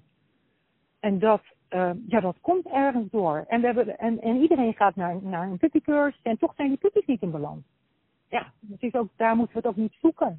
Zo moeten we daar dus, niet zoeken. Ergens, ergens is twee leden. Dus ergens zeg je van we raken steeds verder uh, af van waar we eh, zouden moeten zijn, omdat we ja. ons hart dus niet volgen. Ja. En omdat heel veel mensen dus inderdaad geconditioneerd worden uh, en dus ook heel veel beperkende overtuigingen meekrijgen, die je onbewust ja. uh, ook weer aan je dier meegeeft. Nou, je dier die spiegelt die weer. Um, en anderzijds, um, ja, dat is natuurlijk best wel een uitdaging om te zorgen dat jij dan je hond uh, ja, zeg maar zo vrij laat en dus ook niet je eigen beperkende overtuigingen projecteert op hem of haar. Maar dat heeft dus nou heel veel met persoonlijke ontwikkeling en zelfkennis te maken. Ja, heeft met persoonlijke ontwikkeling en zelfkennis te maken. En dat is eigenlijk ook de reden waarom heel veel mensen die bij mij lessen volgen ook zeggen. Uh, dit, heeft, dit heeft ook voor mijzelf veel opgeleverd. Ik ben ook anders gaan kijken naar hoe ik zelf in het leven sta. En um, dat komt omdat ik ze vraag om uh, om hun hond vrij te laten. En niet vrij in de zin dat die hond maar overal naartoe mag scheuren en uh, zijn goddelijke gang mag gaan. Zo bedoel ik het niet, maar vrij in de zin van wanneer mag die hond nou eens een keer zelf beslissen? Dat geeft die hond meer, um, meer ruimte om zelf te beslissen, meer ruimte om zelf uh, uh, keuzes te maken. En, en dan zeggen mensen, ja, maar dit heeft, dit heeft dus ook voor mijzelf heel veel opgeleverd. Dus het, is, het, kan heel confronterend zijn, maar het is ook, um, het is, de meeste mensen zeggen dit is als een warm bad. Het is zo fijn dat ik gewoon van mijn hond mag houden. En dat mijn hond gewoon mag zijn wie hij is. Ja, dat hij dus niet van alles moet. Dat hij niet van alles moet. Dat hij niet van alles moet, ja. En dat maar goed, dan, dan moet je dus ook sterk in je schoenen staan. Want wat je zegt, hè, op een verjaardag uh, waar je hond bijvoorbeeld rondloopt, bewijzen van ja. Uh, dan heeft iedereen heeft er alweer een mening over. Uh, dat is natuurlijk met kinderen precies hetzelfde. Als jouw kind iets doet, dan heeft uh, de rest van de, de ruimte heeft daar een mening over. Dan moet je dan eigenlijk een beetje lach aan hebben. Ja, nou ja, ik weet je, kijk, over tien jaar heeft iedereen een andere mening, zeg ik altijd. En ook, ook hebben we dat zondag besproken, hè, want uh, trainingsopvoeden zijn inmiddels gewoon een aantal mensen die ook, net als ik, werken. Um, dat ze bij mij de opleiding gedaan hebben. En En ik zei ook, ik denk echt dat we over 15 jaar hebben we niet meer zulke hondenscholen zoals we nu hebben. Die zijn er gewoon niet meer. De markt gaat om iets anders vragen. Mensen willen, mensen willen meer authenticiteit. Mensen willen weer, mensen willen ook gezien worden. He, dus op, eh, heel simpel. Als ik tegen, als ik aan iemand uitleg, iemand die voor het eerst komt op de les, over het oogcontact met een hond en dat een hond gezien wil worden. Dat een hond gezien wil worden net als ieder mens, dan doet dat al iets met die mensen zelf. En dan gaan die mensen, die mensen gaan nadenken over, maar in welk opzicht word ik nou niet gezien? Hè? Of word ik wel gezien om wie ik ben? Dus dat doet ook direct iets uh, met jezelf. Dus het zijn, het, het, mensen zijn, ja, wat we zijn, mensen zeggen, het is als een warm bad. Deze vorm van uh, lesnemen met, met honden is als een warm bad. Ik hoef daar niet te presteren. Uh, mijn hond hoeft daar niet te presteren. Uh, en er wordt ook, wordt ook gelachen natuurlijk. Ik bedoel, we lachen ook heel wat af. Uh, we hebben ook plezier met elkaar. Het is echt niet, niet allemaal zwaar, juist niet. Het, het, fijne is juist dat mensen tot het besef komen dat ze ook vaak um, uh, dusdanig geconditioneerd zijn dat ze aan de, aan de touwtjes lopen. En dat ze Um, en dan zie, dan zie je dat mensen daar ook gewoon dingen in gaan veranderen. En dat is, ja, dat is super mooi. Dat is super mooi. Ja. Ja, zij vinden het super mooi. En ik vind het super mooi om daar deelgenoot uh, uh, van te zijn. En ik weet, een, uh, een, vorig jaar, anderhalf jaar geleden, kwam er een. Um, hè, want in de opleiding die ik geef, vragen we ook mensen met honden met probleemgedrag um, te komen. Zeg maar, die worden dan begeleid op casus. En er kwam een man met een hond en uh, um, die hond was een herplaats en hij had hem al heel wat jaren. En die hond had behoorlijk wat problemen.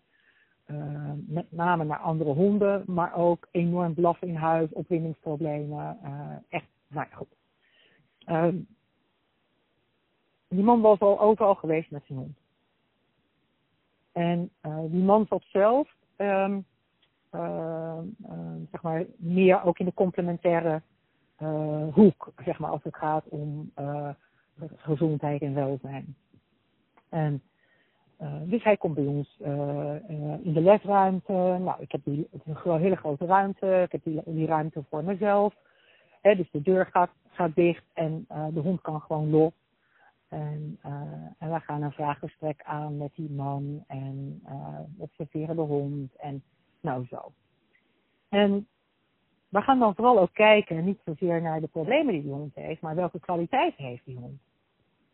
Wel, welke kwaliteit heeft die hond nog te houden voor zichzelf? En daar gaan we, daar haken we op aan eigenlijk. En nou, om een lang verhaal kort te maken, uiteindelijk hè, na, na anderhalf, twee uur gaat die man weg en ik begeleid die man naar buiten met zijn hond. En uh, uh, hij heeft iedereen gedag gezegd natuurlijk. En hij zei, ik heb me zo gezien gevoeld in deze groep. Dank je wel. Dit was als een warm bad. En dan denk ik, en ik vroeg hem ook, ik zeg, want ik had voor mijn gevoel, hadden wij helemaal niet zoveel bijzonders gedaan. Hij zei, maar jullie hebben zo echt gekeken naar wie ik ben en naar wie mijn hond is. En nou ja, dat is een enorm compliment. En dan denk ik, ja, um, ja, daar kan daar kan toch echt geen zit en geen af tegenop. Dat, dat, dat, dat is het gewoon niet. Hè? Dus, dus uh, gedragsproblemen, wat ik eerder al zei. Er is geen hond die agressief wil zijn. Er is geen hond die agressief wil zijn. En uh, ook die honden kun je dus uh, eigenlijk weer terug in balans krijgen uh, met deze manier van werken ook met de meest ernstige probleem, uh, honden met probleemgedrag, werk ik zonder voer, werk ik zonder belonen, werk ik zonder opdrachten, werk ik zonder controle. Maar is het dan niet zo dat die honden, uh, dat zie ik bij mijn eigen herder, dus uh, die, ja, die zit soms ook niet helemaal goed in zijn vel, zeg maar. Dat heeft, nou, ik ben ook natuurlijk bij jou wel eens geweest. Ja, ja. Die heeft wat gezondheidsproblemen ook. Ja, en daardoor is hij denk ik ook toen gaan uitvallen. Ja. Um, maar is een hond op een gegeven moment zo geconditioneerd, hè, want mijn herder is inmiddels 10,5, uh, dat hij mhm. dan dat gedrag zeg maar niet helemaal kan loslaten? Of heb jij daar echt uh, ervaring mee dat je dus ook inderdaad nou, honden die uitvallen en andere honden, dat je dat na zo'n lange tijd nog uitkrijgt? Ja, nou ja, kijk, bij, in de reguliere gedragstherapieopleidingen wordt natuurlijk altijd gezegd, ja, dat is geconditioneerd. En hoe langer het geconditioneerd is, hoe moeilijker het is om dat af te leren. Nou, dat, dat klinkt ook logisch. Hè? Ik bedoel, uh, voor mensen is dat precies hetzelfde, hè? Om, om langdurige conditioneringen los te laten. Maar um, waar ik wel ook naar kijk, ik kijk ook altijd naar het fysieke stuk. Ik, ik ben ook KPNI-therapeut. En in de KPNI kijken we altijd naar het geheel. Hè? Dus uh, niet alleen naar uh, gedrag, maar ook naar uh, nou ja, zeg maar alle systemen van je lichaam, je hormonen, je neurotransmitters, uh, je organen. Ik heb de afgelopen jaar vijf keer een lezing gegeven over de schildklier. Bij schildklierproblematiek gaan we heel veel gedragsproblemen zien. Dus de, ik kijk ook altijd, uh, als een hond niet direct kan verbeteren, um, naar het fysieke. Dus conditioneringen ontstaan hè, als een soort geheugenspoor in de hersenen. Um, en wat we doen regulier is dat we dat, dat, dat hersenspoor gaan overroelen met een ander hersenspoor, met een ander neurologisch spoor. Hè. Dus, dus uh, in plaats van dat hij uitvalt naar een andere hond, kijkt hij naar jou en krijgt hij een brokje. Het, het pro, hè, dus we gaan er een andere conditionering voor in de plaats uh, zetten. He, dus die andere conditionering neemt in feite de plaats in van.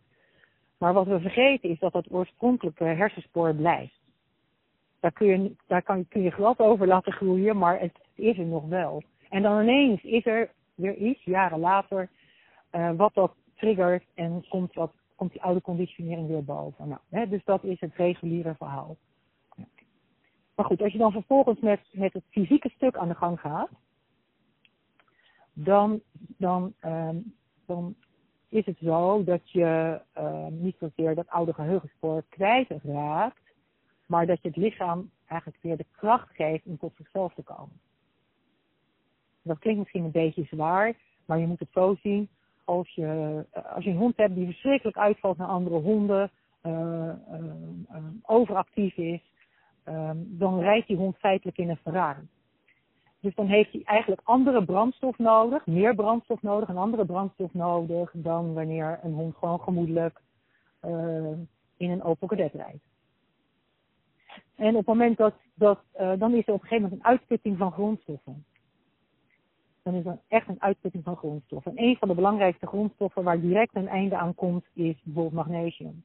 dus, um, en op het moment dat je uh, samen met de therapie die je inzet ook bijvoorbeeld magnesium inzet. En dat is nooit het enige wat je in moet zetten. En je moet ook de juiste magnesium inzetten. Uh, zie je al dat die hond makkelijker tot zichzelf kan komen. En ik heb recent uh, met een hond van een collega gewerkt. En die had zelf al heel veel gedaan met, met haar hond. Heel veel goede dingen ook, absoluut. En zij, uh, en zij heeft mij ook de opleiding gedaan.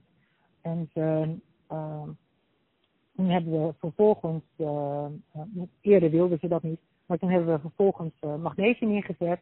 De goede vorm van magnesium. Had eerder een andere vorm ingezet en die deed niet. Hè, dat had ze, uh, toen kende ik haar nog niet, zeg maar, had ze dat ingezet. En we hebben de juiste vorm van magnesium ingezet. En die hond die is echt totaal veranderd. Die hond kan terugkomen bij zichzelf.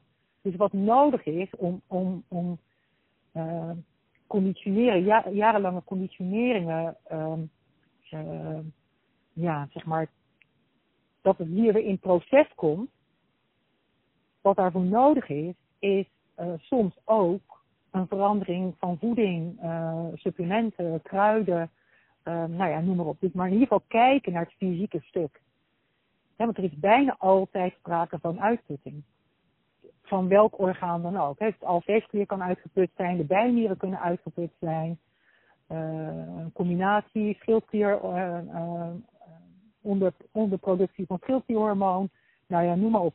En als je daar niet naar kijkt, dan gaat het niet lukken. En dan kun je er nog zoveel brokjes in stoppen als je wil, maar dan kun je altijd maar verbetering in een marge bereiken en nooit een totale, totaal herstel, nooit totaal terug naar balans. En als je dan dus kijkt naar de praktijk, want uh, ik weet dat er uh, best wel een grote correlatie is tussen uh, pijn bij honden, of in ieder geval gezondheidsproblemen en ja, een soort van agressie, uitval aan de lijn, dat soort zaken. Ja. Hoe vaak zie jij dat in de praktijk, dat daar, hoe, hoe, groot schat jij die correlatie? Je bedoelt de correlatie tussen lichamelijke klachten en, en uitvallen? Exact, ja. Ja, nou, die, die is, dat is enorm. Enorm. En ehm, als ik alleen al kijk naar bijvoorbeeld een uitputting van, uh, van neurotransmitters. Hè, dus uh, zijn de, de hersenboodschapperstofjes. En iedereen denkt dat, dat, dat die in de hersenen worden gemaakt, maar die worden grotendeels in de darm gemaakt. Nou, de meeste honden hebben al geen goede darmwerking. En uh, worden door de juiste darmbacteriën gemaakt. En um, ja, de meeste honden hebben niet een adequate darmflora, net als mensen. En vervolgens uh, begint het al bij een maagzuurkwaliteit. Hè. De hond moet voldoende maagzuur hebben. Uh, ik zie een heleboel honden die, uh, als ik maar eten twijfel of de darm niet het probleem is, ga gelijk een ontlastingonderzoek doen of parasieten. Nog heel veel honden die toch parasieten hebben. Uh, en dan krijg je natuurlijk dat, uh, dat voedingsstoffen niet goed opgenomen kunnen worden. Dat er allerlei gifstoffen in het lichaam blijven die er eigenlijk uit moeten. Um, dus ja, ik eigenlijk, eigenlijk bijna altijd. En ik moet zeggen dat de honden die bij mij komen met gedragsproblemen, zijn vaak honden die al bij verschillende mensen geweest zijn. En uh, bij verschillende gedragstherapeuten geweest zijn. En die uh, hond is dan wel iets verbeterd, maar nooit, uh, nooit echt helemaal. En, um, en dan zit er eigenlijk altijd, altijd een fysieke component onder. Altijd. En het is natuurlijk uh, belangrijk om die fysieke component ook te, te zien. En maar een van de simpelste dingen is gewoon magnesium. En dan ja, wel de juiste magnesium, maar uh, is, is gewoon magnesium. Omdat magnesium is al nodig voor duizend en één lichaamsprocessen. Dus als je wil dat, dat het lichaam beter gaat functioneren, dan is magnesium de eerste. En dan moet je niet zomaar magnesium gaan halen bij de willekeurige supermarkt. Uh, maar dan moet je dus gewoon even wel advies vragen van ja, welke magnesium is niet meest geschikt voor mijn hond. En door, door um, ook naar dat fysieke stuk te kijken, en dat doe ik trouwens ook met putsal, dus je kijkt ook naar dat fysieke stuk. Kijk als een hond goed in zijn vel zit, lekker in zijn vel zit. En datzelfde geldt voor mensen. Valt hij niet uit naar andere honden. Uh, dus die vertoont hij geen agressie. Dat, dat, is dus, dat is dus belangrijk. En uh, dingen als stress, ik geef veel lezingen ook over stress. Uh, dingen als stress hebben zo'n enorme invloed op de gezondheid van het dier. En vervolgens krijgt die hond gedragsproblemen. En dan kom ik weer terug op die pup die is negen weken oud en die staat dan in de groep met, met acht, negen andere pups. Hoeveel stress is dat? En nadat hij net bij de fokker weggehaald is, bij zijn moeder, bij zijn broertjes en zusjes, in een nieuw huis geplaatst. Uh, in, in, bij nieuwe mensen die hij nog nauwelijks kent. Uh, waar hij meteen van alles moet. En dan wordt hij meteen meegenomen naar de puppycursus ja, hoeveel stress is dat? Dan zeggen mensen, ja, maar hij doet het hartstikke goed. Ja, maar uh, honden zijn uh, gigantisch goed in het zich aanpassen aan allerlei omstandigheden. Daarom passen ze ook zo goed bij ons. Ze passen zich direct aan, maar dat wil niet zeggen dat het niet ten koste gaat van iets. Mensen passen zich ook jarenlang aan en blijven bij dezelfde werkgever werken, hè, eh, terwijl ze al jaren eigenlijk heel erg ongelukkig zijn in hun werk of veel stress hebben. Ja, en dan ineens is daar die burn-out. Maar dat duurt jaren. Ging je maar meteen uh, de ziektewet in als je, uh, als je stress ervaarde. Maar dat gebeurt dus niet. En dat gebeurt bij honden ook niet. Dus die stress die bouwt zich op, die bouwt zich op. En dan krijgen we een failure van organen. En als dat systemisch wordt, dan heb je een probleem. Maar het begint al heel simpel bij maagzuur. Dus stress heeft invloed op je maagzuurkwaliteit. En op het moment dat je maagzuur, dus dan ga je al niet goed verteren. En dan ga je uh, darmproblemen krijgen, dan krijg je galproblemen. En nou, dat is allemaal maar, allemaal maar uh, gering, denkt men. Maar uiteindelijk uh, heeft die hond dan een te traag werkende schildklier of um, krijgt hij uh, botproblematiek uh, um, of welke andere vorm van pijn dan ook. En dan um, uh, gaat die hond natuurlijk ook agressie inzetten. Ja, maar het kan, ook, het kan ook zonder die fysieke problemen natuurlijk. Hè? Dat kan ook gewoon ja. stress gerelateerd zijn. Ja. Nee, we hadden het gisteren natuurlijk even over voordat we deze podcast wilden opnemen. Ja. We hebben ja, denk ik anderhalf uur in gesprek gezeten. Hebben we besproken om de podcast door te schuiven omdat we ja, te lang in gesprek waren. Dat is gewoon een interessant gesprek. En toen zei ik al van ja, soms is het gewoon een hele lastige puzzel waar je mee te maken krijgt als hondeneigenaar. En ik denk dat uh, 9 van de, nee, ja. 99 van de 100 mensen dat niet beseffen op het moment dat je een, een dier neemt. En dat is natuurlijk ook als je een kind neemt. Ja. Of, of een kind neemt, een kind krijgt, een, een hond krijgt. Um, is dat je te maken krijgt met een ontzettende grote verantwoordelijkheid. Waarin je uh, ja, een hele uh, moeilijke puzzel soms moet leggen. Want alles, hè, als je, ik jou zo hoor, en dan ga je van voeding tot luchtvervuiling, tot training, tot uh, noem het maar op. Ja. Supplementen tot uh, uh, nou ja, alles, alles erop en eraan moet dan kloppen om soms een hond in balans te krijgen.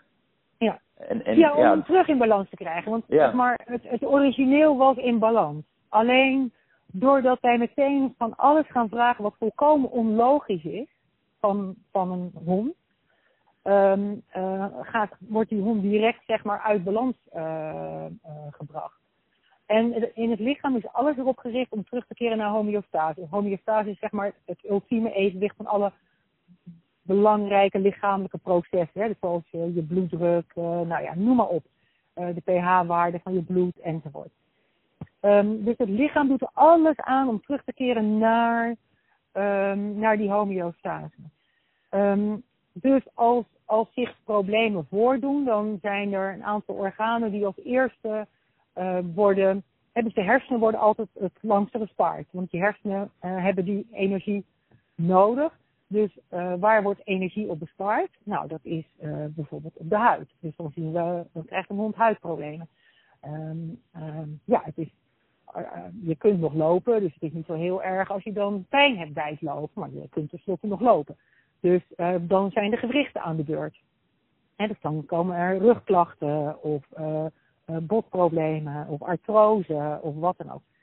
Ehm, en, of, of, je, of je darmen zijn aan de beurt of nou ja, wat dan ook. Hè. Dus pas op het laatste moment worden dingen aangetast zoals de hersenen, het hart en de lever. Want dat zijn dus dermate vitale organen ehm, die die door het lichaam zelf zeg maar heel lang um, ja, zeg maar in acht worden genomen. Dus andere dingen worden, hè, als je 100% energie hebt, neem een pup, die pup heeft 100% energie en van die 100% energie moet er, uh, moet er uh, uh, al 80% is er nodig zeg maar om gewoon lekker in leven te blijven en gezond te blijven.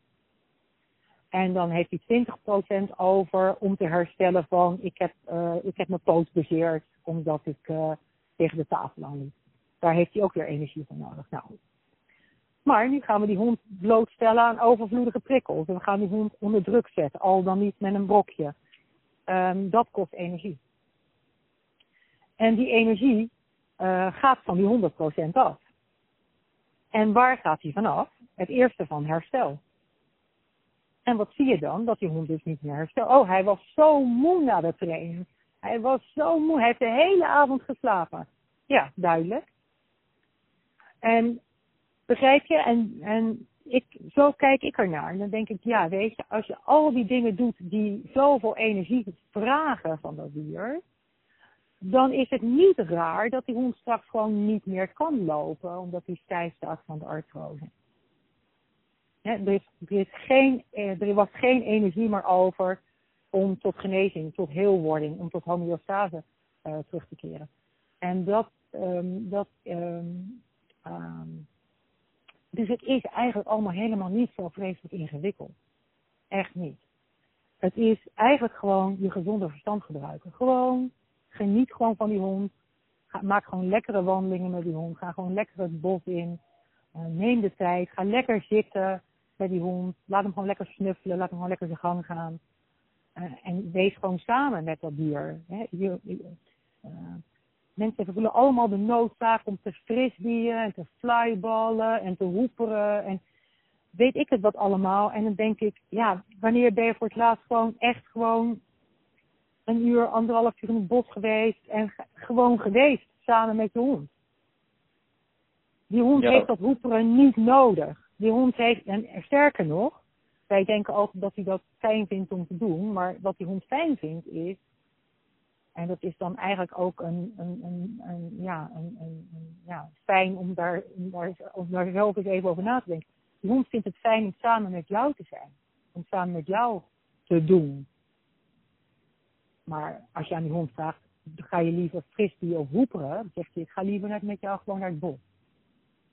en dat is natuurlijk wat, dat is wat, wat um, ja, wat mensen natuurlijk niet fijn vinden om te horen.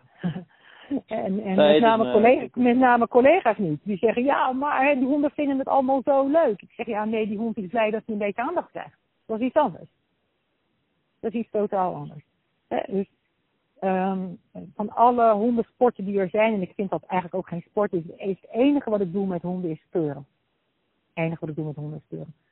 En, en dan ook nog op een hele andere manier dan, dan een reguliere gebeurt. Dus wij krijgen honden heel, het hoeft allemaal niet volgens allemaal regeltjes. We hebben daarbij heel veel eigenlijk mogen gewoon doen wat ze, wat ze kunnen. Want ze, alle honden, ik speur al met puppy's van acht weken. Alle honden kunnen speuren, weet je. En dan gaan wij ze weer allemaal regels opleggen omdat wij denken dat we weten hoe het moet. Uh, ik kan het niet hoor. Ik kan niet een spoor volgen van iemand die daar een uur geleden gelopen heeft. En uh, sterker nog, ik ruik dat spoor zelf niet. En die hond oh. ruikt het wel. Een pup van acht weken kan dat al. Dus wie ben ik om daar dan weer allerlei richtlijnen en consequenties aan te gaan verbinden? He, dat.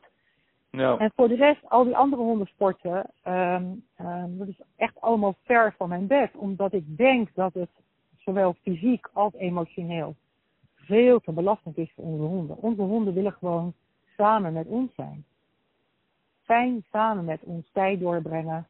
En, um, en eigenlijk is dat ook de reden dat de meeste mensen een hond willen.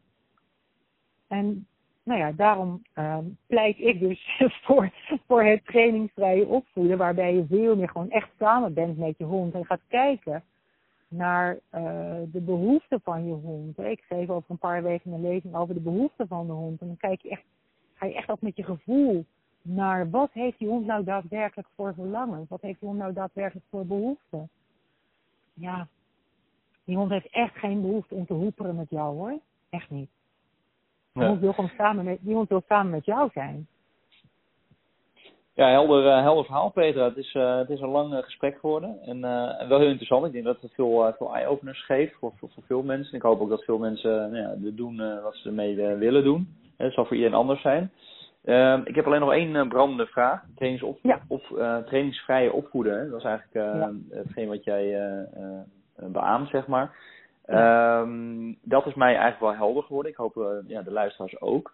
Ik heb alleen nog één vraag, want bij de podcast, en dat ik het ook gisteren over, is trekken aan de lijn een heel voorkomend onderwerp. Nou, we hebben de meeste dingen wel gehad. En jij zei al, van, ja, met deze training heb je ook wel eens dat wel honden gaan trekken aan de lijn, et cetera.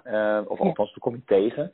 Nou ja. heb ik toevallig uh, in de buurt een hond die, uh, nou, je ziet steeds meer anti-trektuigen en, uh, en dus ook weer conditionering van de hond om er te zorgen dat die hond niet aan de lijn trekt. Andere kant kan ik me het heel goed voorstellen, want ja, als je een hond hebt die 60 kilo weegt en je houdt je hond niet meer, dan, dan moet je natuurlijk mhm. wat. En dus dat is een, een brandend ehm, een onderwerp wat, wat, wat heel erg nou ja, populair is. Hè. Dat zie je ook de, de nummer 1 podcast van Astrid Verkel. Is er hoeveel kom je trek aan de lijn? Ja. Um, nou ja, we hebben nu best wel veel over pups gehad, over uh, honden die wat, wat moeilijker zijn. Heb jij daar nog concrete tips voor uh, met opvoedingsvrij trainen? Hoe je dat dan toch het beste kan begeleiden zodat jouw hond ja. uiteindelijk dus dat oogcontact met jou houdt en dus niet de noodzaak ziet om te moeten gaan trekken? Nou, daar, daar zeg je eigenlijk al iets raars. Hij, hoeft, hij heeft dus geen oogcontact met mij te houden, dus dat hoeft niet. Gewoon wanneer er behoefte is aan oogcontact, is er oogcontact. Voor hem of voor mij of voor ons allebei. Maar we moeten vooral kijken, ik zei in ons gesprek gisteren al, ik ben, ik ben iemand die altijd um, vanuit mijn KPNI heel erg kijkt naar de oorzaak van de oorzaak van de oorzaak. Waarom trekt die hond? En in 99 van de 100 uh, eh, situaties trekt een hond uit opwinding. En Sorry, uit? Uit, uit opwinding. Uit opwinding, ja. Ja, en dan um, wordt dat, is dat uiteindelijk ook een geconditioneerde kwestie. En sommige rassen trekken meer aan de lijn dan andere honden. Herdershonden trekken meer aan de lijn dan golden retrievers. Dat, dat is sowieso een gegeven. Maar het is bijna altijd opwinding. En dat je dan ook dat gegeven Duitse herders, golden retrievers, noem je maar even twee hele bekende rasgroepen of rashonden uh, neemt, een, een, een, Duitse herder zit veel hoger in die opwindingsneurotransmitter dan een golden retriever. Weet je, dus hij is, hij is neurologisch al anders uh, getuned. Uh, dus ik kijk altijd waar komt het vandaan. En uh, het is bijna altijd opwinding, 99 van 100 keer. En ook daar beginnen we dus weer gewoon met oogcontact maken, uh, en rust. En uh, wat, wat moeilijk hieraan is, want ik zal niet zeggen dat het wat eenvoudig is, maar wat moeilijk hieraan is, is dat hoog in opwinding betekent vaak ook hoog in stresshormonen zitten. En, um, en honden zijn vaak verslaafd aan die stresshormonen, net als mensen. Hè? Dus als mensen workaholics kunnen zijn en altijd maar onderweg zijn, een agenda vol zijn en ieder weekend zijn we hier en daar. En uh, die mensen die raken helemaal ontheemd als ze een keer niets te doen hebben. En dat geldt voor honden ook. Dus op het moment dat een hond echt een notoire aan de lijn trekkende hond is, dan um, kan het ook nog wel eens een keer zo zijn. ik noem dat dan een beetje een een adrenaline junk. Dus die hond is als het ware uh, verslaafd aan die adrenaline. En hij moet dan letterlijk dus fysiek afkicken. Zoals iemand afkikt van uh, van het roken of dan, ik ben zelf een enorme workaholic geweest ook, um, dat je besluit om, um, dat je niet langer een workaholic wilt zijn. En um, ook daarvoor gebruik ik dan bijvoorbeeld weer een magnesium. Niet alleen dat, maar die zet ik wel in. Want magnesium geeft ontspanning. En, uh, of kan leiden tot ontspanning, begeleidt het proces van ontspanning. En um, uh, wat we gaan doen, ook met die honden, is dus weer die massage. Omdat wat honden uh, doen, dus die notoire aan de lijn trekkende honden, die genieten ook echt heel erg van die opwindingen, van die adrenaline. Ze weten bijna niet dat ze ervan genieten, maar dat doen ze wel. En wat, wat ze gaan leren is ook weer te gaan genieten van die rust. Dus het is geen eenvoudig proces. Uh, maar wat ik sowieso altijd zeg is dus alle, alle dingen die ze doen die met opwinding te maken hebben. Dus als we, als we trainen in een reguliere groep, moeten we daar onmiddellijk mee stoppen. Als we dingen doen als flyball, behendigheid, alle dingen die enorm veel opwinding veroorzaken, daar moeten we onmiddellijk mee stoppen. Niet met ballen gooien, niet met stokken gooien of anderszins. Um, dus alle opwinding uh, vermijden. Daarvoor in de plaats zeg ik altijd ga steuren of je dat nou bij mij doet of bij iemand anders, maar ga speuren. Dan zullen mensen zeggen, ja, maar bij speuren moet hij juist trekken aan de lijn. Ja, ja maar bij speuren, ja, ja, maar dat klopt. Maar bij speuren gaat hij zich wel focussen. Want wat je ziet bij honden die trekken aan de lijn, is altijd dat hun blik um, is, is in het oneindige, zeg maar. ze zijn buiten zichzelf. En speuren brengt een hond weer terug bij zichzelf. Dus hij gaat weer, um, hij gaat weer concentratie, uh, hij, moet weer, hij moet zich weer concentreren. Hij gaat zich weer focussen. Uh, wat ik verder doe met honden die enorm aan de lijn trekken, is ik ga in een heel dicht begroeid gebied lopen. Zo dicht begroeid dat ze er bijna niet doorheen kunnen lopen. Dus dat ze echt keuzes moeten maken constant om, uh, om die boom heen, om die tak heen. Uh, nou, noem maar op. Dat, uiteraard kan dat alleen met een hond die dat fysiek ook kan. Met een hond met zwaar HD of zo doe ik dat natuurlijk niet. En dat doe ik dan maar echt zo vijf minuutjes. En dan weer, dan weer terug in de auto terug naar huis. Um, waarom? Omdat die hond in eerste instantie zeg maar moet terugkomen van die blik op oneindig naar terug bij zichzelf. En weer keuzes maken en weer richting bepalen en weer, um, oh, ik ben nu hier. Uh, waar ga ik nu naartoe? En um, aan een lange lijn lopen uiteraard, niet aan een korte lijn lopen, aan een lange lijn lopen, aan een tuig lopen, niet aan een hoofdband. Uh, en vervolgens uh, pas ik ook de kalmerende signalen toe, uiteraard. Uh, en als het dreigt die hond heel hoog weer in opwinding te raken, dan gaan we gelijk een stapje terug. Uh, En gaan we gelijk weer masseren tot hij weer tot rust komt. En al duurt dat een half uur, dan pas lopen we verder. Dan pas lopen we verder. Dus het is bij alles eigenlijk terug naar rust. En als je uiteindelijk zeg maar, dat, dat bereikt hebt en die hond trekt niet meer aan de riem, dan kun je best wel weer eens gaan kijken van, goh, kan ik weer gewoon normaal over straat met mijn hond? En, en dat natuurlijk ook begeleiden, want uiteindelijk is dat natuurlijk het doel, het doel ook. Hè? Je kunt niet eeuwig in dicht, dicht begroeid gebied lopen, dat gaat natuurlijk niet. Maar wel, zeg maar, therapeutisch. En om mensen duidelijk te maken, wat ik belangrijk vind over is dat mensen echt begrijpen wat ze aan het doen zijn. En dat ze ook echt begrijpen waarom die hond het doet. En want mensen zeggen altijd, ja, ik snap het niet. Ik snap, ik snap niet waarom die zo trekt. Wat, weet je, en dat, dat eerst blootleggen. Dus eerst blootleggen, maar waarom trekt die hond nou zo geestelijk? Dat is, um, dat is eigenlijk um, um, het eerste wat je gaat doen. En, en puppies wordt het al geleerd. Puppies wordt het al geleerd. Het wordt puppies al geleerd door ze direct, als ze zo heel klein zijn, al mee te nemen in al die prikkelrijke, uh, opwinding veroorzakende situaties.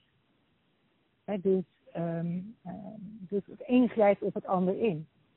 Uh, als, je, als je een pup zeg maar uh, volledig trainingsvrij opvoedt en je doet dat heel erg vanuit die rust en vanuit bezieling en vanuit verbinding maken en vanuit kameraadschap, gaat die hond helemaal niet gek aan de ring. Nooit. Nooit.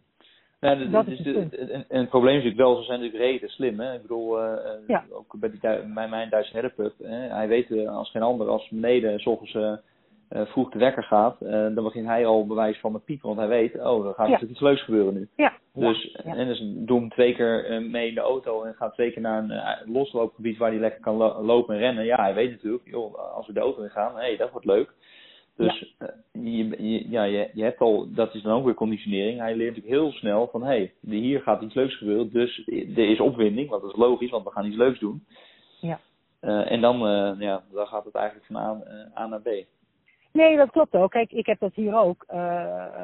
ik heb beide honden natuurlijk op oudere leeftijd gekregen. Ik heb, ik heb twee megelaars, dus als, als het over trek aan de riem gaat, dan weet ik ook geen ander wat, wat iedereen bedoelt. Um, mijn jongste bijvoorbeeld, als ik uit het huis stap en ik ga rechtsaf, gaan we naar het bos. Dus dan trekt ze aan de riem. Als we linksaf gaan, trekt ze niet. Nee, dus honden weten dat natuurlijk exact. Dat is natuurlijk logisch. Um, aan de andere kant, uh, soms, wat ik, wat ik ook uh, wel bespreek met mensen is, in sommige gevallen trekt die hond aan de riem. En in sommige gevallen is dat voor die mensen ook niet belastend vinden mensen dat helemaal niet erg is voor de hond niet belastend. Is het maar een klein stukje, bijvoorbeeld dat ene stukje naar het bos of dat ene stukje voordat hij los mag. En dan zeg ik, oké, dan kun je ook kijken van, nou ja, uh, met een tuig is het sowieso al stukken beter dan wanneer je een halsband gebruikt. Um, in hoeverre kun je dat wel of niet accepteren? Uh, ik heb gewoon geaccepteerd dat dat kleine stukje wat ik hier naar het bos loop, dat die hond daar trekt. Um, als dat niet te doen is. Omdat mensen dat fysiek niet aan kunnen. Uh, of omdat de afstand te groot is, waardoor het gewoon bijzonder onprettig is voor beide, voor de hond en voor de eigenaar. Dan zeg ik ja, dan ga je ook, ook binnen die conditioneringen weer echt terug naar rust. Gewoon constant terug naar rust. En dan zul je merken dat uiteindelijk die hond niet meer trekt. Hè. Dus je kunt aan de ene kant zeggen, wat, wat ik dus gedaan heb, maar goed, ik woon hier in het bos inmiddels. Uh, uh, Oké, dat kleine stukje dat vertrekt, ja, jammer dan.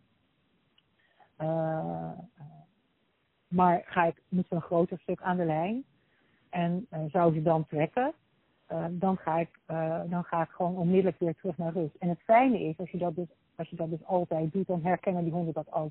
Ook dat conditioneer je. Dus ook dat terugkeren naar rust um, kan op een gegeven moment gewoon een conditionering worden. Zo, zo uh, het, is, het is letterlijk het afkicken van die opwinding, van die adrenaline.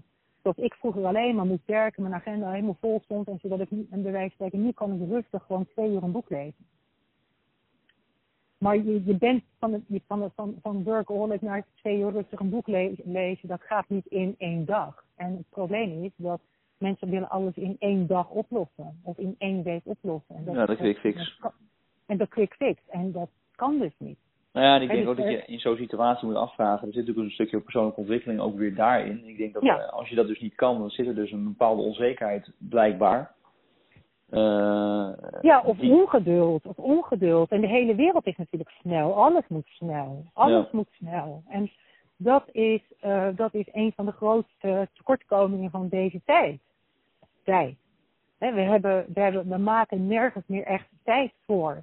He, dus zelfs als je bij de dierenarts komt. En ik had uh, zondag een collega die zei: Ja, ik, ik ging met mijn hond naar de dierenarts. En de dierenarts vroeg uh, kan die even zitten? En zij zegt, nee, dat heb ik hem niet geleerd. en toen zei de dierenarts, ja, maar de bedoeling is dat hij even rustig wordt. En ze zei, als je twee minuten wacht, is hij rustig. En dat was ook zo. En als je zit, zegt, gaat hij zitten, maar is hij dan rustig? Nee. Maar nu werd dat dier uit zichzelf rustig. Begrijp je? Door hem gewoon eventjes de tijd te geven. Hij stond op die tafel, dat is natuurlijk even vreemd, even onwennig. En hij kreeg even de tijd gewoon van zijn eigenaar. En oké, ik ben, ik ben weer gewoon lekker bij mezelf. Het is oké. Je, maar zij gaat, zij gaat met haar hond om. En maar die dierenarts zegt, ja, kan die niet zitten, want die spuit moet erin. Nee, we wachten gewoon even twee cellen. En dus het, het probleem is dat alles moet snel. En de mensen die met quick fixes werken, die, die, um, die, die doen ook goede zaken. Want honden, veel hondeneigenaren willen het ook heel snel. Maar ik merk ook een enorm verlangen. Ik zei, ik geef een lezing binnenkort over de behoeften van honden. En behoeften zijn feitelijk verlangen. verlangen. Maar dat geldt ook voor mensen. En heel veel mensen verlangen er ook naar om op een fijne manier met een hond om te gaan zonder al die toestanden. En verlangen er ook naar om uh, echt contact te hebben met een hond. En echt contact te hebben met, met, met hun dierbaar. En werk te doen wat zinvol is. En die mensen, uh, die hoop ik te bereiken. Ik hoop die anderen ook te bereiken natuurlijk. Maar die mensen die, die, die, die zijn al, die verlangen al, die kennen hun verlangens al en die, die zijn al op zoek voor zichzelf of voor hun hond. Die zijn onderweg. Waarom, ja, die zijn al onderweg. Dat is ook de reden waarom meditatie nu zo'n enorm uh, uh, fenomeen aan het worden is. Ik bedoel, ik weet wel, toen ik tien jaar geleden zei dat ik mediteerde, nou, dan was ik echt een zweverig iemand. Maar dat, dat is, is gelukkig niet zo. Iedereen is, zo zweverig geworden, wij zeggen. Ja, dus dat is, dat is, dat is zo, dat is zo uh, bijzonder. Dus er, ik weet gewoon dat, er, dat, dat mensen ook een enorm verlangen hebben weer naar die echtheid. Weer naar die echtheid en oprechtheid. En, en dat, is, dat is het grootste streven, zeg maar, in de manier waarop ik werk. Dat mensen weer op een echte manier met hun hond omgaan. En uh, gewoon samen zijn. Dat is, ja, nou ja, dat hoor je waarschijnlijk, en wij kennen elkaar natuurlijk ook al een tijdje, maar dat hoor je waarschijnlijk ook wel aan de manier waarop ik vertel. Dat, ja, dat is, dat is mijn zielsopdracht. Ja, en, en dus een bepaalde liefde ook voor, voor het dier uh, en de mens die je uiteindelijk wil bereiken, wat dat voor, voor, voor, je, voor jouw visie nou de meest optimaal is. Ja, en dat, uh, en, en het gewoon beleefd hebben ook natuurlijk zelf. En het, het meegemaakt hebben en het en het, uh, hè, als ik als zeg maar, uh, ook dat, uh, die oudstond heb ik dan nog getraind. Maar goed, die wordt natuurlijk nu helemaal niet meer getraind, al jaren niet. En, en de jongste heb ik helemaal niet getraind. En als ik alleen al het verschil zie in de relatie die ik met die twee honden heb. Want die oudste heb ik dus wel getraind en de jongste niet. Zo'n enorm verschil.